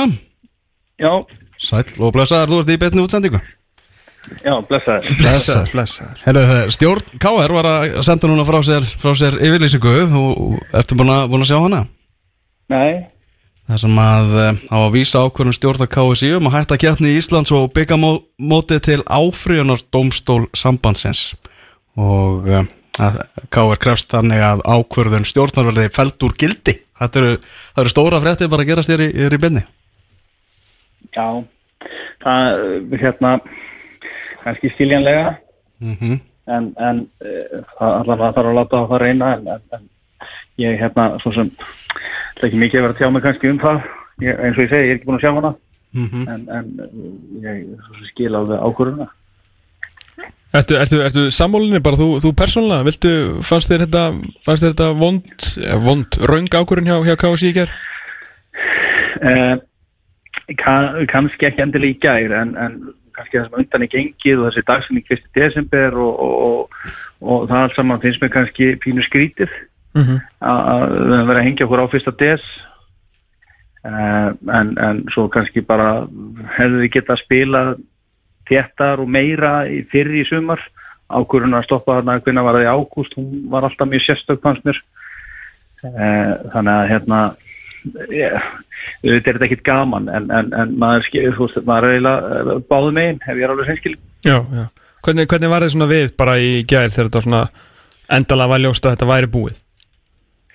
eh, ekkit svakalega skemmt ég, hérna, og ég hugsa sko ekkit bara fyrir okkur ég, meina, ég hef ekki viljað vera Íslandmestari sitandi heim í sofa í gær eða Lennon átti sá að fara að setja markamettið og Mhm. Valur var að berjast við það að setja stigamett og sá hugsanlega fram á það að komast líka í vinna tvöðfall Mhm. sem er nú ekkit sjálf, sjálfgefið. Þannig að ég hugsa að sé miklu fleiri en bara káringar sem er ekkit endil alveg sáttur Nei, nei, ég mitt og við vorum að tala bara Óla, Óla skúla, ég menna fylgismenn landsina þeir voru í, í Európa baráttu og þeir áttu físilega leiki líka, þannig að voru mörg lið með mörg að keppa. Já, svona einhver lið með einhver að keppa. Já, hérna, en hvað segir svona al- em, já, voru þið, sagt, voru þið þjálfarnir eitthvað inn í þessari inn í þessum bæri, eru þið búin að vera að funda með, með stjórninu um þetta, eru þið svona sjáu þið meir um, um fótboltaliðina? Já, ég, ég held að á þess að ég viti það, þá held ég að Rúnar hafi verið með Mm í, í morgun. En, en ég var ekki, ég, ég er í sótkví heima. Já, það er svoleiðis, já.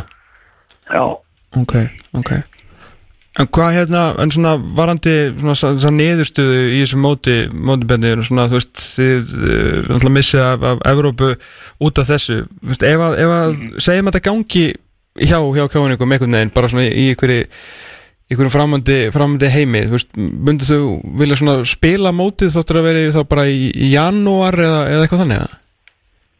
Já, sko, það sem við náttúrulega erum kannski að horfa á er að að við hefum sens á að komast í Európu í í, í, í, í deildinni og Já. þessi leikur raun og veru eins og hann lítur út núna úslitið leikur við stjörnum að það hvort liðið eru þá eh, ofar og í raun og veru þriðjasetti Mm að, að hann náttúrulega eh, skipti máli núna að horfa á þetta svoleiðis Mhm. og, og svo hefur líka hinn möguleikann að, að, að í undan og svolítið mjög byggar -hmm.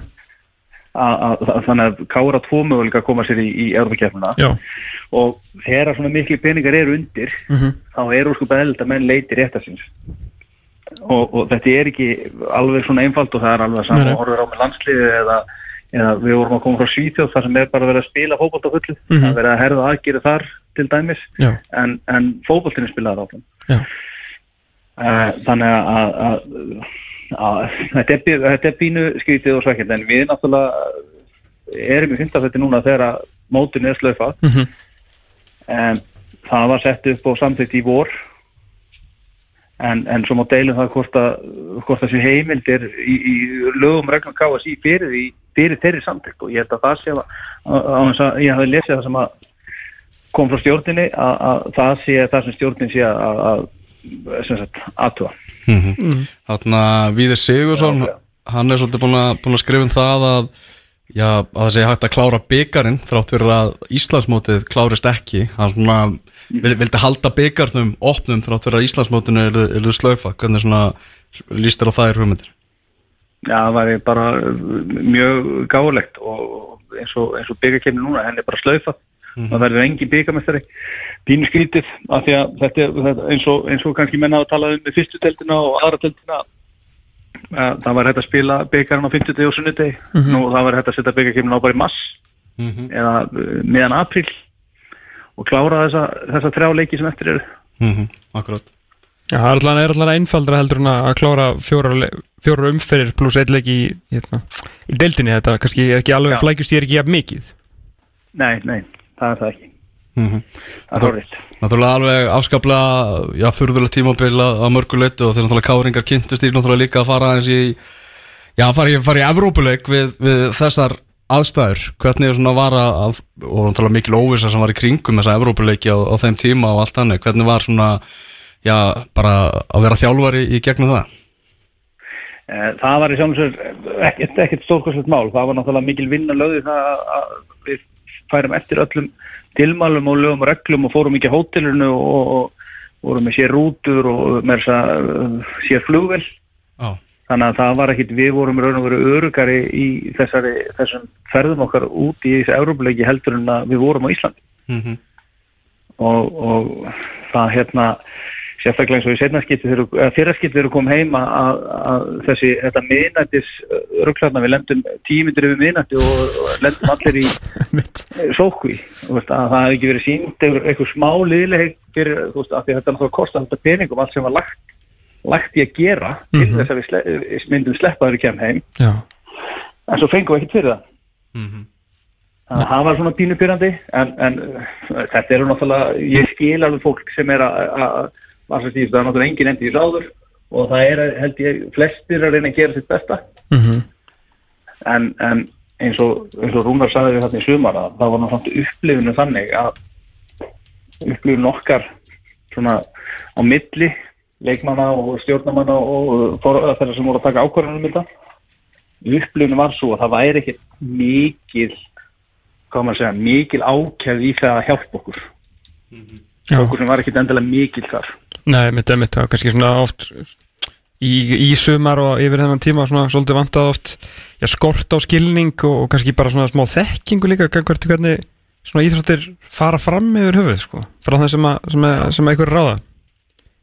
Já, ég get alveg tekið undir það. Já, en svona, en, já, maður getur náttúrulega bara að fara að gera upp tíumbili þar sem það er, er búið nema auðvitað að þið, að þið vinnið þetta og við fáum hérna jólabólta, það er nú reynda mjög gaman. Uh, Svona keppnismæður nýðir uh, Bjarni getur náttúrulega kannski ekki verið samt sáttur við það að þið náttúrulega eruð í, í fymta sæti sem að bara eina gæsa lappa með 28 stiga því að þið, ég tapið stigum sem að, að knastbyrnum fyrir að reykja ykkur ásá sem ekkert að, ekkert að, ekkert að tapa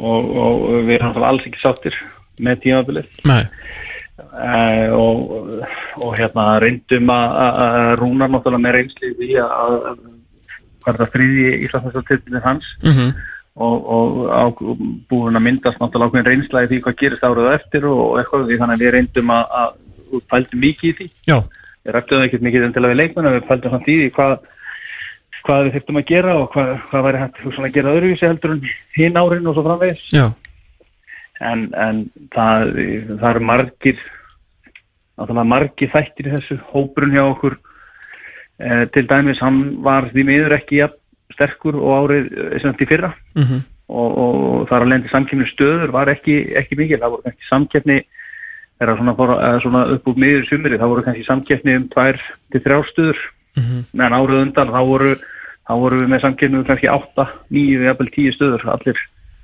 Þannig að það, það, það eitt og sér breyti miklu og svo náttúrulega þetta hérna held ég að sé alveg ljóst að þetta stopp og start og það að fara ekki vel í eldri leikmenn, það fyrir, það fyrir betur í held ég un- unga stráka, þeir bregðast það er auðvöldar við þá. En, en það er samt engin endanum er þetta samt sko, við erum að spila við lið sem eru líki þessu valsmenn eru líka með ekki kannski jafngamallið en, en það er alveg aldrei leikminn í valsliðinu og þeir fóru í gegnum þetta. Þannig að við þurfum að, að núna þegar þetta, þetta er búið og þá þurfum við að setjast niður og við þurfum aftur að fara yfir það sem, að, það sem fór ekki eins og við vildum og ástæðina fyrir út af hverju. Það er, það er að spyrja þig hvort að þú svona hvort að þið ætla, ætla að stækka hópin því að það er það eitthvað sem þið viljið en það náttúrulega skilur heldur betur á milli fex og ófex hvort að þið séu með Európufjörmunni á milli handana eða, eða ekki með þetta engar smá upphæðir í, í okkar, okkar litla fótboltarsamfélagi Já, já, og, og, og tala ekki með árfyrinu eins og það er núna En nákvæmlega. Það er ekki halda sér höndum og, og þannig að þessi Európenningu, hann telur núna miklu, miklu meira heldur en Európenningunum fyrir þreymur ánum til dæmis. Eh, en, en ég held samt að Stefna Káar ljóta alltaf að vera svo að vera með lið á næsta ári sem allar er keppnum titil og titla. Mm -hmm. og við þurfum það bara að finna lausni á því. En svo er það náttúrulega líka hitt að, að leikmannumarkaðan í Íslandi hann nú þá veist þú það kannski betur en ég en, en ég hugsa að þetta sé eitthvað lélegasti markaður og nú er ég ekki að tala um gæðin á hann ég er að tala um bara hreyfingarnar á hann í, í Európu Þa, það er engi leikmenn og lausu Ertu meina erlendir hinga heim eða? nei, nei, bara ís, íslenski leikmenn. Já, og ef þú getur sagt að við sjálfum að og ákveða sem þjálfar að þú ætlar að stekka hópin eða breyta hópnum eða fjölgi hópnum eða hvernig, hvað sem múlt orða það. Mhm. en þó, svo þarf það að fara að nút og þú þarf að finna leikmenn. Einmitt. Ég, ég, ég er búin að pæla mjög mikið í þessu sko Því að náttúrulega er að koma silly season og maður er að, að teknu plön til að fara að spjalla hér um, um hvert hinn og þessir að fara og maður bara svona, ok, hva, hvaða leikmenn ætla liðin að að sækja? Þetta verður einhver bara um leikmenn sem að eru eins og alltaf bara, þú veist, það eina sem að gerist á þessu er að leikmenn eru að renna út á samning sko og, nú eru einu allir búin að uppgöta lengjudeldina, þú veist, að fara að sækja leikmenn þangað, en langbæstu leikmennir í þeirri deild er að koma upp hvort sem er í, í Keflavík og, og leikni þannig að ekki eru þeir að fara og þá eru menn farnir að horfa allir í sömu fjóra-fimm bitana hjá, hjá fram, þú veist, ég veit ekki, fram þór og, og einhverju liðum sko, þannig að það er engin alveg rétt hjá það er, það er rosalega fáir leikmenn með við það að það eru tól liði eftir deild sko. Já. Þannig að það, það, veist, það er líka challenge, þú veist, þetta er ekki bara, snýst ekki bara um það að vera um peninga, þú þarf líka bara að ná í það- þá leikmenn sem þú til að sé nægilega góðu til að styrkja uh, svona hópa eins og til dæmis við erum með. mm -hmm. Að Það er, og það er bara uh, vandasamt verkefni, þannig að þú varum fullt af peningum og vildum stekka hópin okkar aftur og hafa meiri samkeppni að þá væri það mjög vandasamt. Já, Það svo, nokkur að vera samlýslausir hjá, hjá KR er, er eitthvað verið að skoða þau mál eða? Já, ég held að það sé allt á, á fullri ferð hjá okkur og, og, og það var hérna það átt að klára tímabili áður en það er frá gengið, nú er það búið. Þannig að ég gerir ráð fyrir að það verið þau mál fara á flegi fyrir aftur núna og vonandi klára stöð öll Já, já Þannig að við ætlum líka að spjalla við um annan hlut, Bjarni. Það eru, það eru Íslandingar náttúrulega erlendi sem hafa verið mikið í umræðinu núna í, í, í þessari viku. Náttúrulega Albert Guðmundsson með tvö mörk í Evrópudeldinni, Rúnar Alex spila sem fyrsta leik fyrir, fyrir Arsenal og, og svo er Ísak Bergmann Jónesson svo sannarlega í, í sviðsljósinu og, og umræðinu um þessa myndir frændiðin.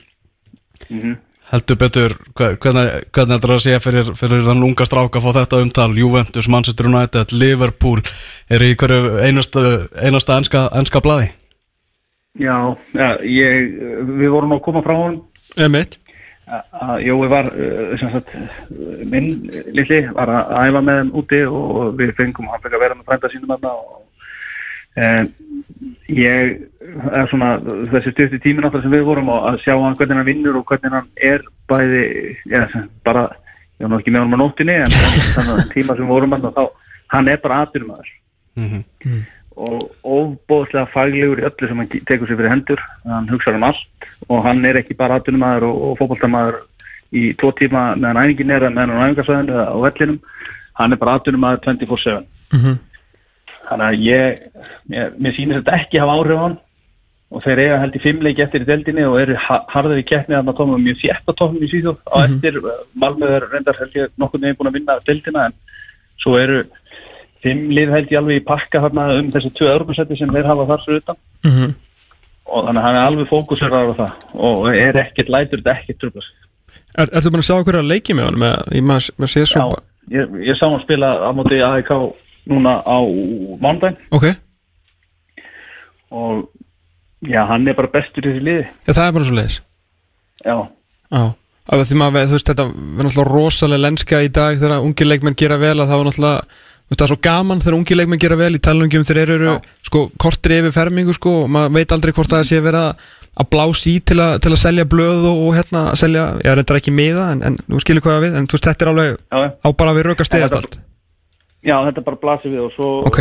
hérna ég fekk að vera daldur nálættum þarna í, í þessu ferðlöllu saman og svo hlaupatölur og svona og hann náttúrulega var bara efstur að lista í öllu saman.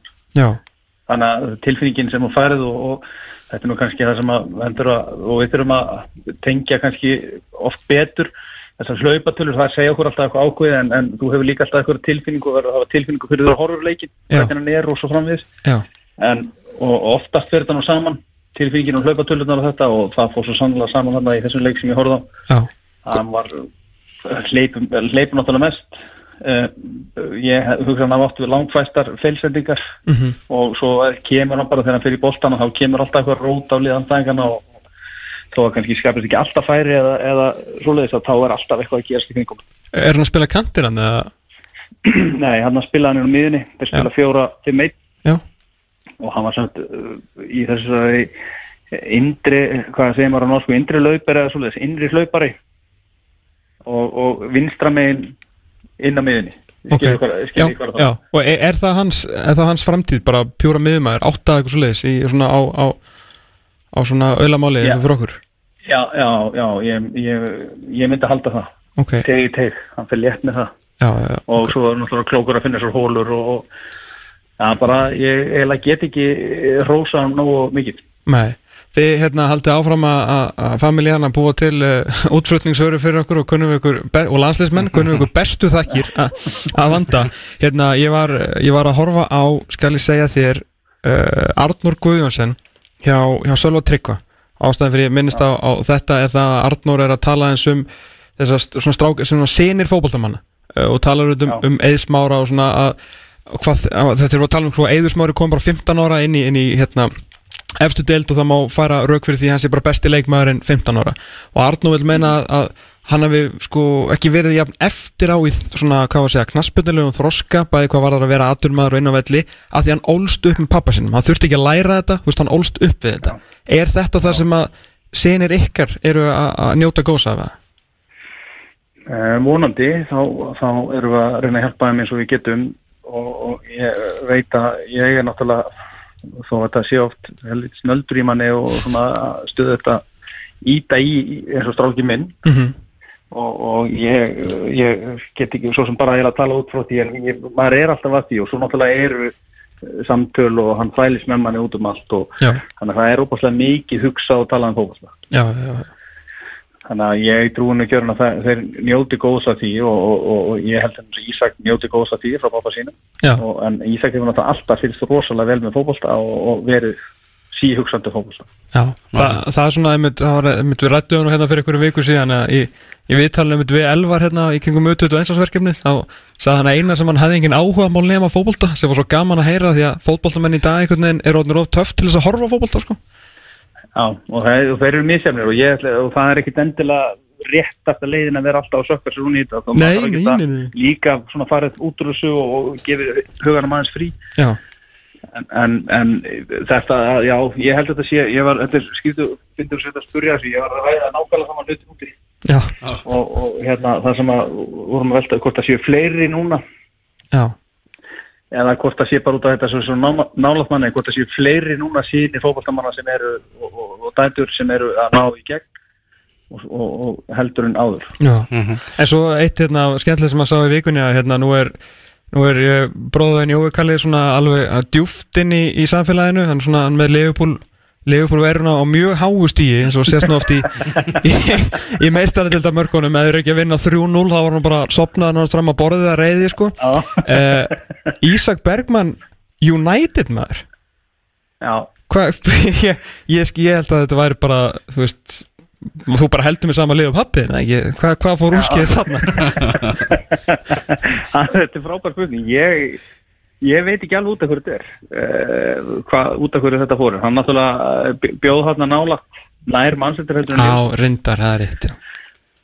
í, í, þegar, þegar hann var í börnli já, og, og þá verður þið bara þannig út í aðri mannsettur og þó að hann ekki verið langt til liðból en, en hvort, það er lítið nú að hafa eitthvað með þetta að segja. Já, já, ok. Er aðeins, aðeins um þinn gutta, Bjarni, um, um Jóhannes sem að var, já, var að æfa hérna með, með Norrköping, náttúrulega greinilega gott félag fyrir unga leikmenn að fara í verðistöra, en hvernig, hvernig standa þau máli? Er eitthvað viðræður um það að farið ángað eða, eða hvernig er það? Já, það gekk mjög vel og þeir svo svona, uh, svona voru ekkert síður að hérna, sína honum félagið og, og, og hérna þannig að var, þetta var góð ferð. Uh, sett upp í hjá þeim með þessa stráka er rosalega flott þetta eru, sem sagt, þeir eru bara að taka eins og Arnór fór á sínum tíma og Ísak og Oliver eru núna og Alfons held ég hafa líka farið í nákvæmlega sem að sett upp að, að þá eru þeir að fara bara inn í aðalið og æfa bara með aðaliðinu og meðan þeir eru ekki nógu góður að spila með aðaliðin þá spila þeir með 19 áliðin en eru bara 18 menn og eru svona hluta þessum 20 manna hóp sem aðalið er þetta er náttúrulega rosalega þroskandi fyrir svona drengi og, og, spurning hvort þetta sé ofstórt skref í, í fyrsta skrefi. En Jói í ljósi þess að breytta aðstæðan hjá okkur hérna heima í, í sumar þá hefur hann fengið tækið frá eftir meistralokk stóran hluta í sumar. Þannig að hann hefur hjálpað hann rosalega mikið og hann fór hann er náttúrulega ekki alveg á sama stað og þeir eru þarna úti en, en, en hann, hann var ekki að hægja á tempón og æfingum þarna úti og það gekk mjög vel hjá hann og þeir voru mjög spenntið fyrir að reyna að að gera eitthvað í, í þessum málum. Ok. Þetta er að, að gera svo hratt maður. Ég var með fast eins og ég sá sko Jó að skora á, á selmótinu hjá Gaupa bara fyrir sko ári síðan sko. Þetta er, Já, já, já. Þetta, þetta er líður rosalega og svo eru liðin að reyna að ná þess að stráka uh, fyrr. Auðvitað. Og, og, og ná þeim til sín snemma. En uh, það er líka hluti sem að við þurfum að fara að huga betur að þetta heima. Að núna við erum við erum búin að ferðast mikið síðast árið. Og okkur finnst við vera svo frábær Mhm. í yngreflokkastarfinu og fáum mikið það. Mm en það er upp í 12 ára við við erum frábær upp í 12 ára. Svo lendum við bara eftir. Það er bara því miður staðan Já. og, og við þurfum að fara að gera við þurfum að fara að gera mikið mikið betur 12 til 16 ára 12 til 20 ára með þessu. Já. Eða þannig að þú ferðið upp í mestralokk Hvað er að helst Lógi Ólafs talaði um, um taktískan skilning hérna við okkur síðast og svo náttúrulega hefur líkanlega þátturinn borið já oft, mjög oft að góma. Já, ég sammála lofa með það taktísku skilningur og bara þekking á hvernig hann á að spila leikinn. Já. Og það kemur aðeins að þjálfur honum. Og nú, er, og nú er ég ekki að tala um að það sé endilega lélið þjálfur heldur bara að þeir þjálfararnir í yngreflokkum í Íslandi þurfa að það þurfa að vera skýrar markmið með út af hverju við erum að æfa. Hvað er verið að kenna? Hvernig er á varnanlínu að stígu upp. Þú horfir oftar en ekki á, á þriði og fjórðaflokk þar sem varnanlínu stendur á eigi vítateg og sóknin er komin inn í vítateg hinum einn þannig að við þurfum að, við þurfum að þjálfa á æfingum. Við þurfum að kótsa ef við sletti Já. miklu meira heldur erum að gera. Já. En það er það sem að gerist náttúrulega ef að þú fer bara í, í, í skuggabolta og lappi gegnum taktík með, með 13 ára börn þá verður náttúrulega brottfallið myndum maður halda meira og það er kannski það sem að menn eru, menn eru hrætti við það er kannski þá spurningum að fara í bara meiri áriðstjálfun, þú veist, þeir sem að vilja þetta og eru nú góðir í þetta fá þá bara þannig þjálfun og, og aðrir sem eru þá fyrir, meira fyrir félagskapin sem er bara besta mál, eru þá kannski á, á öðrum stað eða er það ómikil eh, svona flokkaskipting Nei, það er bara alveg hárétt hjá þér. Hmm. Eh, Þetta er nákvæmlega það sem við þurfum að gera og við, við þurfum að, ef við setjum þetta upp svona, að Mhm. þá fara hínir sem vilja þetta meira, þeir fara þá í það og hínir sem vilja bara koma og, og nota þetta sem, sem félagsstarf sem þetta vissulega er og við erum líka búið til félagsmenn. Ég er, ekki, ég er alls ekki að tala á móti því. Og Það gott fólk bara. fullt af- Já, já, og bara viljum gera það Mhm. og viljum standa okkur vel í því líka en við þurfum líka að vera setja hína þá leifa hinum að njóta sín í því umhverju sem þeir myndu þá betur þrýfast í. Ömmit, ömmit, ömmit Já, þetta er eitthvað sem við þurfum að fara að skoða, skoða meira Þetta er svona eða sama Við erum búin að, við erum búin að tala við Láka um þetta uh, Hvað til við líka við? Við erum alltaf við Loga og svo vorum við eitt viðtal hérna í, í, í viðbóta sem voru svona að reyna að að hjálpa íslensku fótbolta svona eftir, eftir Európu leikina í sumar sko.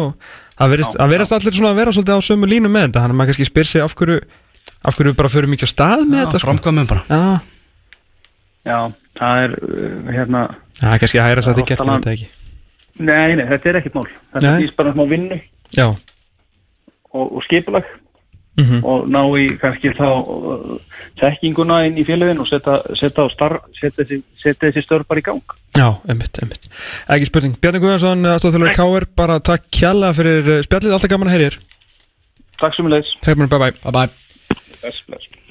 Já, það, er svona ímislegt skemmtilegt að gerast svona með stráka Erlendis hjá okkur, íslenska stráka. Mhm. og sá sem fær það verkefni að, að taka við, að byggja upp nýtt landslið. Þetta er, þetta er, svona- þetta er spennandi verkefni sko.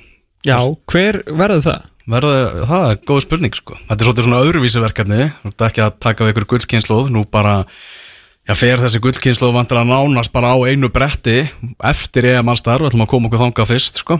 Þarf ekki að velja þjálfara, næsta þjálfara hvort sem að það sé, ef við bara hvað sem að sé hamrein eða ekki bara, uppbygging á þjálfara já, ég meina, getur það ekki alveg eins verið hamrein eða? Gæti alveg verið sko. Það er bara að ræða þetta, bara rétta mannin til að smíða nýtt lið með, með ungum leikmunum Já, einmitt, það, það er er einmitt svolítið málið sko. Að hérna, sástu fréttina eða sönnum að uh, Ísak Bergmann væri löglegur með ennskalandsliðinu að því að hann fættist á Englandi? Já. Er þetta rétt? Þarf þetta ekki að eiga fjölskyldu? Her, Við þurfum ekki að hafa neinar áhyggjur af þessu. Menn Aron Jóhansson Hann spilaði með bandaríkunum og það fættist í, í bandaríkunum Já, ég er að tala um, en það er náttúrulega er það ekki bara því að það voru bandaríkin? Á þetta líka við um Já, já, það er ekki hittur að vera sama yfir allt. Er, Nei, sönn lígur ekki, Tómas Nei, það er rétt. Það er eitthvað sem maður hefur lært í, þessu brasa En við þurfum ekki að hafa neinar áhyggjur af þessu. Guðmundur aðarstyrna.net tók viðtal við Ísak hérna fyrra árnu og spurði hann út í þetta. Nú var þetta, þá vitað það? Já, það var gummi, gummi með allt á hreinu sko. Og Ísak sagði bara að það þarf ekki að ræða þetta Þetta er bara Ísland allan daginn sko. Já, ég meni, ég hef ekkit þú veist, sjensinn, bensin að Guðjónsson fjölskyldan myndi senda mann í ennska landslið Hvað lindu þessu sko? þú að Garð Southgate sé að samfara eitthvað Ísak Bergman Nei, Nei, ég held að sé þetta ekki ekki sens, herru Manst þú hvað Arnur Sigursson kostaði? nei, Eða hvað hann var keftur til hérna sesku. Sesko á? Nei, Það var nefnilega töluvert meira heldur en með myndi af því að e, það voru, skal ég segja þér minn kæri fjórar miljónir evra. Já, ok. Hvorki meira enn ég minna. Ah. sem á þeim tíma voru eitthvað um um, byrjuðum að sjá því, það, ég veit ég hef þetta undirbúti betur að þetta verður svona fínt sko. Það endar vel. Þetta endar vel. Hlustaði nú. Já. þessa frétt skrifaði ég 31. ágúst 2018 þannig ég var þetta á blaðamar á vísi Skagamenni á von á myndalegri millifastlu vegna sögu, sölu EFK Nörrköping og Arnóri Sigurssoni til Sæska Moskvu samkvæmt heimildum vísis. Heimildum maður sko maður fínast fínasti blaðamar á sín tíma. Uh, Góða heimildamenn Já, já. Þegar IS heldi Arnór til sænska fyrir að sér setja klásúlu þess efnis að það myndi fá 10% af næstu sölu og það er heldur betur að borga sér núna. Kaupurinn á Arnóri var sagt Arnóri. eh, Arnóri voru sagðar 4 miljónir evra því sem að nefnir 500 miljónum íslenska króna og fekk því í um 50 miljónir króna inn á reikningin Ég heyrði það um daginn Já. frá heimildamanni mínum að eh, skæin hefði sett herri klásulu í resale eða næstu sölu heldur nokkur snöður Já, ok. Þannig að eh, segjum að bara í smá teóri ég veit ekki hvað ég er búin að segja teóri í þessu þetta. Ef þeir myndu selja hann á sama penning eins og að gengið er í dag þá uh, væru shit hvað er leilugur í starfæði fjóra ja. miljónir efra eru 600, segjum að þessi 20% ég er svona, mér finnst það mjög líklegt tala. Með þetta ég heyri þetta að vera meira en áður og ég heldur að vera frekar að fara bara í 20% ánu sko. Uh, hvað sagði sko maður nei ég kann ekki regna þetta. Það er 20% af 670 miljónum Það er mikið. Það er rosa mikið sko. Ég, get, ég er ekki að djóka, ég get ekki regnað til að berga lífin sko. Það er ekki með tölvu? Jú þessu það uh, Geir Þorstesson var alveg tilbúin að fá það inn á bankabókina hjá, hjá skafamennum sko. er það ekki? Nú, ég held að- 670 hvað er það 134 miljónir Já, hann myndi taka því fegin sendi. Það er ekki bara fínt eða? Það væri bara mjög fínt. Já. Það er eitthvað, hann er eitthvað lítið í umræðinu samt núna eitthvað um, um sölu. Hver? Arnur? nei ég er að tala um Ísak Bergmann sko. Já, Ísak Bergmann Já, já, ég, ég er að segja sko já, já klásúlanum ég var að heyra á honum. Já, já, já, þannig að ef þeir seg, myndu selja hann fyrir þó að vera ekki nema sama pening og Arnór Mhm. að þá myndur fá 130 miljonir ef, að ef ég er að giska að því nú er ég að giska sko. Já. ég er að giska á rétta prósundu þannig að uh, þetta ger þósteins já, hann segist vera búin að hreinsa upp skuldina. Uh, maður eftir að segja ársækningin hann segist vera búin að þetta upp og fjölmiðlar svo sem búin að taka hann bara orðinu þar. Þannig að hann hendi bara upp hérna annari hæð og akranis öllum já, já, já, já. Þetta verður eins og hérna Mónakóvöllur hann verður á þriðju hæð. Já, nákvæmlega. Heyrðu við ætlum að heyri Úlfi Blandun eftir smá stund. Já, stjórn eh, KFC, hún eh, skellti sér bara í það að skellti sér út á lögadarsvöldi gær og flautaði bara Íslandsmótið af. Var bara, það gert með formulegu þetta? Var dómar ársins fengið til að blása þetta af? Já, fór bara út af öllin og, og blés þetta allt saman af þú var þessi hvort að Káring að fá sínu framkjönd og verður bara blásið aftur á en það er önnur, önnur saga. Erum við ætlum næst að líta eins á lengju deildina og hvernig þetta endaði þar allt saman. Það var nóg af sögulínum í þeirri skemmtilegu deild, skemmtilegustu deild tímabilsins eins og, eins og ég hef margóft sagt. Og uh, við, uh, sérfræðingur okkar, Úlfur Blandón hann er á línunni, sætla blösaður Úlfur. Já, sælir. Hvernig ertu í dag? Ég er góður. Þú er svona góður með að allt og allt Já, já, verður maður ekki bara að vera bjartinn? Jú, jú, það er ekkert annað sem gildir í þessu Er það búið að blása þetta af ég, þessi ákvörðun bara komu, komu óvart? Nei, í rauninni ekki, hún gerir það ekki. Ég, hérna, það er auðvitað verið að taka stærri ákvarðan heldur bara um fótboltan en, en ég er eins og að mjög svektu með hana og hérna, hefði vilja hefði vilja halda mótin áfram en, en ég ætla svo sem ekki að setja mig eitthvað dómarasætti en, en hún komur ekki vor. Nei, nákvæmlega Heyrðu það eins og þessi lengjudeld endar og fullt af, fullt af hlutum á það Byrjum bara á neðri hlutanum og, og fallbaráttinni Það sem að þróttur Magni og leikni fáskursfyrði enda með öll með jafnmörg stig. En þetta enda sem sagt á því að þróttur heldur sér annað tímabili í röð á markatölu og uh, Magni og leikni fáskursfyrði þurfa að býti það súra epli að, að falla úr, úr þessari deilt Þetta er svona Þetta er hrikalega svekkjandi með að við líka hvað þetta var allt saman opið og allt gætt gæst í þessum síðustu tveimur umfyrum. Já, maður hefði rauninni vilja fá þessa magna romantík sem hefur verið í gegnum árin, maður er náttúrulega svolítið vannurinni og, og, og maður reiknaði, ég reiknaði freka með því að Magni myndi halda sér í deiltir núna á þessu ári heldur en, heldur en þau lið sem er þetta í kringu þau, bara svona í ljósi söguna, þeir kunna þetta og hafa gert þetta áður, mm -hmm. við frá því hvort það maður skoða leikina eða hvernig það hefur verið, ég veist að þeir hefði náða að hérna, stilla sér betur af en hinliðin og, og voru svona já, eiga söguna með sér, þó svo er átt tvo mjög erfið að leiki eftir, en þá var það kannski þannig að, þeir voru búin að halda sínum útlendingum á móti því að vestri til að mynda og eru búin að senda mikið af sínu leikmannum heim og margir bara fattir í bæin í skóla og, og hérna, lítið sem ekki búin að æfa, þannig að tímabilið þeirra var runni tekin ákvörðum bara um að, að að gýra þetta allt niður, á meðan að Magni var með allt í allt í syngjandi botni þannig að ég, það er ekki komið óvart ef að magnið að. Nákvæmlega og svo náttúrulega þessi já bara eitt af momentum sumasins það er þetta víta klúður hjá þeim náttúrulega á móti, móti Þór bara í síðasta, síðast, síðasta umferðin sem spiluð var það sem að Ég fyrir fólk sem ekki veit þá náttúrulega bara er staðan 3-4 það eru 92-20 á klukkunni þegar að Cairo Edwards John stígur á vítapunktin skýtur framhjá ef hann hefði sett uh, já, þessa vítaspilnu í neti þá er Magnu uppið þróttur neri algjörlega. Þetta eru stóra ákvarðanir sem að, sem að hérna, falla í fótballstanum og, og hérna, maður velti fyrir sig hvernig einstaklinginu líður sem að var á, á búntunum með þessu svona eftir í ljósi þess að sé búið að plása tímbilið af. mm -hmm. En, en ég hérna, það er líka að horfa í leikin sem töpuð 7-0, það er líka hjálpaði maður. Þannig að hérna, þessi vítabusta spilna hvort að hún var akkurat make or break eða, eða þessi 7-0 leikur tap, menn að þeir eru flóið yfir á markatölu ef, að- ef að þeir eru haldið haus í, í þeim leik. Já, hann er samt að tala um stíði sem hann taði upp á sko Eh, það, Já, Það er það er þetta rétt.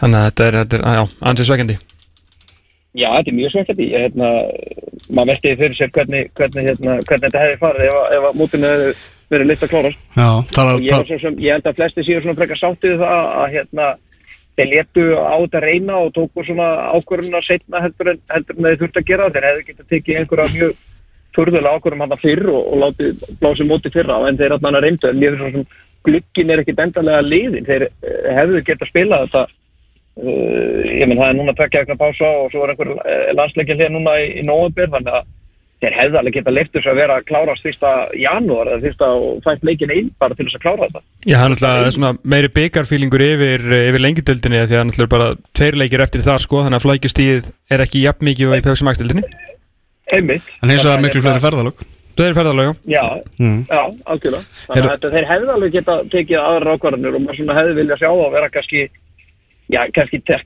að taka einhverja svona meiri frumkóla ákvarðan að svona reyna að finna einhverja laus- lausnir til þess, að, til þess að halda þess áfram og gefa þess aðeins lengri tíma og, og svona eins og þessi gaggrinni frá KR um að, um að hérna, þeir hafa sett sér bara í dómarasettið og sem er svo sem hafa gert að, að hérna að, þeir eru allavega svona að setja sig upp á móti henni. Þannig að ég hefði allavega vilja sjá þetta fara lengra og, og, en, en auðvitað þá maður að hugsa um hag leikmanna líka. Margir leikmenn eru búin að tala um að, að þetta sé búið erfitt og tímabilið er búið að standa yfir núna í 13 mánuði nú þegar og, og það, er auðvitað ekkert er að pína leikmenn endalust en svona sem sem uh, aðdáðandi Íslands fótbolta og svona ekki inn í, inn í beint í, í, í, þingiðinu núna að þá hefði ég vel að sjá fleiri leiki. Þannig að tala, þú talar um 7-0 hjá, hjá Magna. Náttúrulega leikni Fáskursfjöli tapa fyrir leikni Reykjavík 0-7 og eru síðan 6 mörgum frá því að halda sæti sinni í dildinni þegar það eru uppverðu staði Það er svona margir, margir punktar sem bæði Magni og leikni Fáskursfjöli geta hort til bara það sem það hefur geta gert aðeins betur Já, algjörlega og ég menna að þetta var einhvern veginn svona, við erum búin að sitja, sitja yfir þessi í allt sumar og ræða málin og maður svona horfði á þessi lið einhvern veginn vera lengi að púsa sér saman og, og ná í stig og, og hérna þróttur var svona skotspót margra í, í sumar og þeim gekk hrika litla en ná einhvern veginn með, með ótrúlegum hætti að- bjarga sér þráttur að vera búin að tappa síðustu sex eða eitthvað leikjum sko, þannig að hérna hvað er búin að tappa mörgur leikjum, einhverju fimm leikjum rauðið eða bara rauði punktar hérna á KSI.ri séðan sko. Já, þannig að, þannig að hérna, það er ótrúlegt þegar haldur svo uppi. Ég, ég hérna, uh, með svona hópin sem þeir voru með í sumar, mitt mat að hópin þeirra var bara þokkalega sterkur en, en margar rángar ákvarðinni teknar svona í, í kannski aðranda mótsins og, og styrkingar og liðin og annað sem að maður kannski vilja sjá með einhverjum örum hætti. Já, maður held einhvern veginn að síðasta tímabili er þið wake-up callið fyrir þróttara en uh, hvað, Ja, kannski núna. Kannski núna. Kannski núna, við vonaði besta en minna þessi ráni, þjálfarráning heldur betur, heldur betur skila sér, heldur sér uppi. Reyði þarna 12 þjálfara og, og heldur sér uppi. Eh, Er eitthvað, er eitthvað félag uh, svektara í dag svona með við eh, erfið ára og undan stærðina í sögulegu samhengi heldur en uh, knæspundufélagið fram? Fær ekki upp á, á markatölu og, og þeir eru búin að vera lengi að býða eftir séðans að fá að vera aftur á meðal, meðal svona stóru strákana. Nei, ég held að, uh, þeir, að það á mótinu hafi verið slöfa núna eftir svona síðustu þrjá feikilega fína sigra í þeim þar sem við spilum með bæði Þór og Vestra útöfellu og náði góð stík þar að hérna svona vinna síðustu þrjáleiki þá held ég séu gríðarlega svektið þegar ég hitti nú hérna einn leikmann í fram fyrir ekki löngu síðan þegar við vorum um þetta leiðinni þeir nýbúin að spila við Grindavík og töpuð þeim leikreindar en, áttu, áttu hérna, framöndan svolítið þú program mótið Þóru og Vestra en hann var mjög bjarsinn og, og hérna þeir náðu að spila þessa leiki með miklu sóma og, og náðu sér í nýju stegi sístu þreim leikum ég endi séu svona bara okkur í íslensku drullufúlir og, og hérna eh, sagan er auðvitað með, með, með þeim og ég, ég persónulega hefði viljað sjá fram í, í pepsendun næsta ári, ég hefði viljað sjá hvað er hversu sterk baklandið hefði verið hjá þeim og hvaða ákvörðin hefði verið teknar og hvernig þeir ætlu að móta hópur sér inn í, í pepsenduna og, og, og þeir auðvitað eru á þeim stað að þeir eru að búið til svona ákveðna stemningu í kringum félagið á nýjum stað og ég hefði viljað sjá hvaða ákvörðin hefði verið teknar hjá, hjá þessu stórveldi. Það er, það er engin framari búin að svara því nokkur sem ég held að engin framari hlusta á hana þátt bara yfir höfuð. Ég er alltaf að spyrja hvar hefur spilað næsta ári? Já, með að við Stefán. Pálsson á Twitter þá er það lögadagsvöldur Já, það er það sem ég er alltaf að segja. Já, Þeir það- áttu næsta tíma byrja lögatarsvelli og á 22 er að fara heim. Þannig að þú veist, þetta er fínt bara, þeir komum bara 22 á nýja velli. Já, hann var um þetta að reyna að horfa á björtilegðarna Stefán Pálsson að það er bara Pepsi í, á nýjum velli í Úlfarsamstæð sjálfsög, sjálfsög. en, ég meina þú veist, það er allt þú veist, þetta er, þetta er stóðskemmtilegt lið vissulega að missa unnar núna í, í fylki og Já, þeir eru að passa sig að láta ekki götta sig núna. Ég meina, liðin koma að horfa, stóru liðin koma að horfa núna í lengjutildina, sko. En það er búið að semja við Fred, eða ekki, Jú. á, áfram. Þannig að þú veist, það er al, algjörlega allt til alls fyrir fram að segja bara we go again sko. Já, Já, það sem að kannski svona eh, það sem að voru jákvæði tíðindi fyrir fram að, að, að svona fyrir mína parta var að þeir voru í, í einhverjum svona uh, framherja krísu en, en Alexander kom inn í, í framliðu og skoraði tíu mörg í sumar sem eru mikil gleði tíðindi mm. Þóri Guðjón skoraði nýju mörg við vorum að ræða það svona í byrjun á byrjun á tímbilinu að, að hérna, þeir voru væri að skora mörg og væri nokkuð ekki að setja margsett á leikin með nógu miklu leipi en, en þeir heldur betur stigu upp og, og fóru að ræði mörgum og 20 mörg eða 90 mörg á þeim í heldina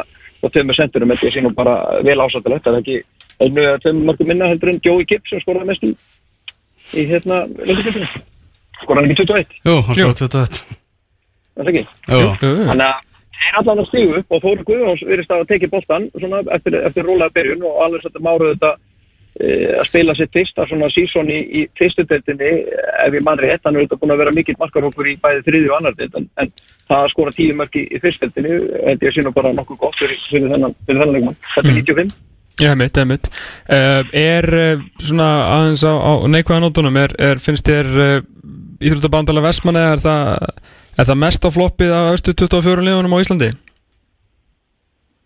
Pff, já, ég held að hérna, þeir allavega svona kannski fyrirfram hefði maður áallega, ég manu, manu til þess að þú varst nú ekkert á, á vagninum, við skulum ekki glemma því, við erum alltaf því á lofti. Rétt Þú talaði mikið fyrir því að- að liði í BF er ekki nógu stert og, og það vantaði kannski svona uh, ákveðna póstæli til þess að það færi upp og það, það sannaði sig. Ég, ég var svona á því að, að hérna, með góðan markmann, góðan hafsend, frábæra miðumann og svo yfirböru sendir í dildina, það ætti nú að duða þeim til þess að komast ansilátt Mhm. en, en margir leikmenn voru náttúrulega bara að- að framist að þeirra var langt undir, undir vantingum og, og hérna byrjaði að myndast einhver kerkjaði hófnum og, og svona kannski síðasta ákvörðin til þess að loka tímbilinu að losa sig við Víði Þorvarsson uppalinn heimaleikmann að 28 ára gamla ég, ég er ekki alveg, minnst það svolítið skrítin ákvörðin, verða að segja það Já, það vantalega einhver kurl eftir að koma til grafar þar sko. það hlýtur nú að búa meira baki þar sko.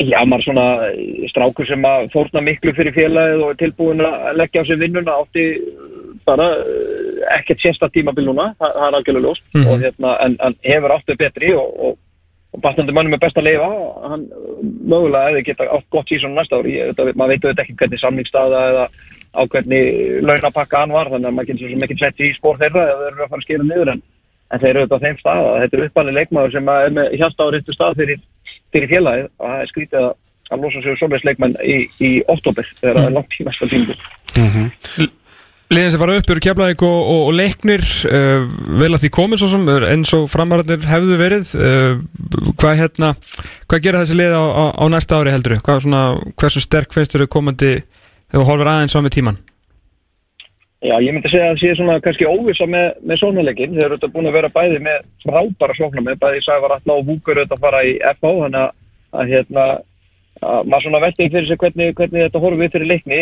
Er Sævar Alli, er hann að þeim stað að hann verði frábær í, í hérna Pepsi-deltinni og sama kannski með Jói Gibbs á Keflavík. Er er hann að fara að skora tíu mörg í, pepsdeildum næsta ári, ég held að þetta er svona kannski stæðsta spurningin en, en heilt yfir eins og við tölum kannski fyrstu leiknisliði þá eru þetta bara feikilega mikið stemning og, og, og hérna búið að búa til ákveði hjarta í klubnum undanfjöldum árum og, og þessi leikmenn sem eru fyrir eru þetta eru tilbúinir að ganga ansi langt fyrir, fyrir og það er nú skilan á morgunliðum, ég held að ef, að, ef maður horfir á til dæmis fjölnisliði versus leiknisliði dag, þá held ég að leiknið hefur verið tölvöld betur í stakkbúinu til þess að halda sér í, í pepsteldinni með, með svona þennan mannskap sem eru búin að spila saman í, í fjöldamörg ár meðan að fjölnisliði var til dæmis að búa til nýtt lið og mistu mikið af sínum sterkustu leikmunum.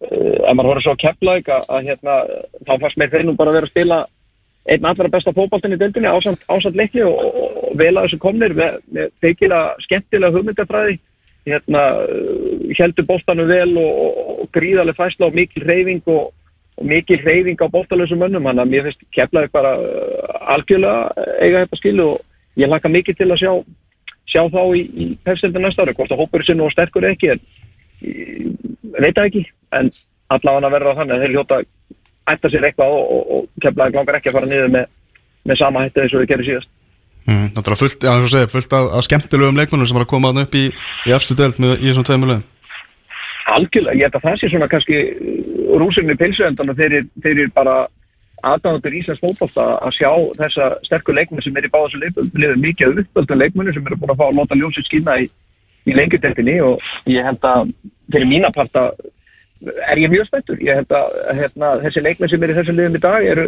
eru kannski betur til þess að spila í, í pæpstöldinu heldur en í leiðunum sem kom upp á síðast ári. Þeir eru ungir og, og hérna, búinir að sanna sig og búinir að vera að spila lengi saman. Þannig að það er svona ákveði hjarta í báðum þessu liðum sem er búin að vera byggja upp á undanfjöldum árum. Og ég er þannig mjög spenntur að sjá frá nokkara einstaklingar orðin, ég er mjög spenntur að sjá Djói og, og spurning hvort að ekki að blæði búin sem eða náttúr, það er ekki komið út Ég held að það sé búin sem Jú, jú, ég held að sé. Það sé alveg Það er búin sem eða Það verður náttúrulega mjög spennand að sjá leikmann sem skora 21 mark í, í lengitildinni hvernig hann blumast í, í pepstildinni og, feikilega öflur, ég sá hann spila nokkar leikir sumar og ótrúlega skemmtilegu leikmann saman með Sævar Alla, ég er svona sérstaklega spenntur fyrir að sjá hann í pepstildinni, ég hef Ég meina að Sævar allir hefði alltaf spilað í Pepsi í deltinu á næsta tímabili sama, það er alveg klárt mál, bara skemmtilega að sjá með fyrirlega hjá leikni, finnst mér. Heimitt, og, það, og það sem var kannski svona, svona rósin í því var að hann fekk bandi núna fyrir þetta tímbil og heldur betur tóka, Mhm. tóka hérna, tissin og, og leiti liðið áfram og siglaði upp í, upp í upp pepsildar, það er algjörlega potið hann hefur farið í, í liðið pepsildinni en, en það er miklu skemmtilega að sjá hann í leikni í sínu heimalið. Algjörlega. Það er svona eh, eitthvað slúður, svona lengjadölda slúður, ég heyrði eitthvað um að það var viðræður um að leikni fáskursfjörð og fjárðabíð myndu saminast, það er svona kannski leigubíla að segja sem að kemur kannski ekkert á óvart alltaf einhvern veginn í, í umræðinni, ég heyrði það að, að Gauði Þórðar er líklega áfram í Ólasung. Já, Já, það er skemmtilegt þetta eru eins og, Já, ég- þetta eru sögur. Já, ég allan heilt þekki nokkara leikur sem spila með Vikingó og, og þeim fannst koma mikil festa með Gauja Þóruðar, þannig ég held að ég verði nú bara að gefa hann kredit fyrir það að hann verið stað að teki, teki utan um hópin sem var í einhverjum mólum og, og náða að búa til einhverja festu og svona uh, fylla leikmenn einhverju öryggistilfinningu. Það er allavega sagan inn úr hópnum að að æfingarnar hafi verið góðar og, og það hafi komið svona ákveðin styrkliki með honum, bæði varandi utan um mat og, og skipulag og, einhver agavandamál hafi verið áður en að hann kom á svæðið og mætti en, en hann verið stað á náttúrkvöldan og það menn verið stað að fylgja sér á baka hann. Hvað hérna, hver, er, komið eitthvað með þjálfarmálun hjá þrótti? Ætlaðu þeir að vera með fimmuna? Nei, það er ekki, ekki vitað, þeir sömdu náttúrulega bara út þannig að Það er Tómas Ingi er aðalþjálfari, þá þurfa þessi restur og káttir. Það er bara ekki að fyndið. Það er ekki að fyndið, en þarna, það er ekki, það er ekki niður nelt með, með það. Já, þegar Varst, voru við ekki að heyra eitthvað nafnum daginn? Varst þú að segja mér eitthvað, annar? Nei, það verður ekki annar. Þeir eru búin að ringi, á á, það verður gott ég myndir að muna þetta eitthvað Þeir eru búin að ringja allan einhvern eitt sem að ég veit hver er Þú ætlar að muna hvaða nafn það er eftir viku. Eftir viku. Það er maður það ekki nú. Nei, það, ég, það væri ekkit óæðilegt ef þið myndu semja við og en þeir eru vísu að náðu við sigri. Ég, ég, þeir náðu Nei, þeir spiluðu bara leik. Töpuðu bara fyrir fram og- Töpuðu fyrir fram og, og heldur sætið sinu á, með klæsi bara frábær endur Þetta er svo skrítið tímabil maður. Uss, uss, uss En en alltaf þú að geta þjálfa á næsta ári, Úlfur? Það er bara að vera áfram með okkur sérfæðingur Herru, ég ætla að vera með ykkur á, á næsta ári. Ég hérna, er, er að klára skóla núna í mæ ég hérna eh, ef einhver leið lendi að vandra ef maður einhvern í byrju mæ þá er ég svo sem alveg klára skólinn klárað í mæ en ég held að hérna, maður allan bara verið með ykkur allan og hanga til eitthvað annað gerist. Ég, ég er á þeim stað að maður þarf að klára námið, maður þarf að klára sína skildur Já, það er náttúrulega að hafa yngar ágjur að sig Það er hver einasti sérfræðingur í þess að þetta hefur fengið eitthvað eitthvað gig sko og það er ekki einu svona djók sko. Nei, ég, ég er alveg slagur, ég held að skólinn á mig klárast þarna einhvern veginn í lók mæ og tímabildi verður þá farið að stað og, og hérna, ef, að- ef, að- ef að menn lendi í vandræðum og taka ákvarðinu snemma þá er ég klára, klára í bátana. Það er fínt. Herru, fara svo að sópa lagarinn, ég er að koma með netið á mándaginn Ég er klár, Ok, ekki spurning. það er gott. Uh, Úlu Blandón okkar sérfræðingur í- með lengi deildina. Takk hjá bara fyrir hérna aðstofuna og samveruna í sumar. Búið að vera hrikalega gaman að hafa þið og við heyrum nú og fáðu þið nú einhvern manni veitur Ef við megum aft fá aftur gesti. Ekki spurning, ég er bara klár hvernig sem er. Heyrðistjórum minn, bæjó Takk. Já, ég, ég skal segja það. Það er bara skrítið að vera alltaf með einhvern uppgjöfst átt hérna. Ég samt ekkert svona við eiginlega bara svona duttum í uppgjörið. Já, hefðum kannski átt að vera með Þurfum ekki að vera með okkar uppgjöf gjör eftir viku, skilur við ekki, þú veist, þá er ég að meina bara svona, þú veist, finnast í leikmaðurinn og endur komur leikmaður ásins og svona, þetta er svona sem er Það er reyndar svo stutt í hérna áramótakæfuna að Já, það er meira bara svona alþjóðlegt sko. Ég er að meina, svona, veist, ég er alltaf ennþá eftir að velja en aðal veljun í þessari deild eru Comeback Player of the Year. Heyrðu, það er rétt. Tilkynum það Við verðum verðum með nokkur svona veljun eftir viku. Já, og ég ætla að gefa lóksins þessa landslistræðu að þarna ég fór í sótt í, í þættunum sem ég ætlaði að gefa Það er hana rétt, já, og hver vann þetta? Við, ég, ætla, ég er bara að ákveða það sko Ég er með þetta hérna allt í tölvupóstunum hjá mér mm. uh, Er að taka svona fimmans Ok og svo drögum við á löðin ah. En ef við, þú velur svona, já, fjó, þrjá, fjóra eða eitthvað Mm. og setur kostningu á .net um liðin, það er svona frétt og kostning er það hægt eða? Já, já, það er allt hægt. Já, Já og náttúrulega kjósa bara vinir einhvers. Æ, við veljum þetta bara. Við viljum þetta. Já, það bara. er miklu, miklu heðilega Miklu heðlar og betra.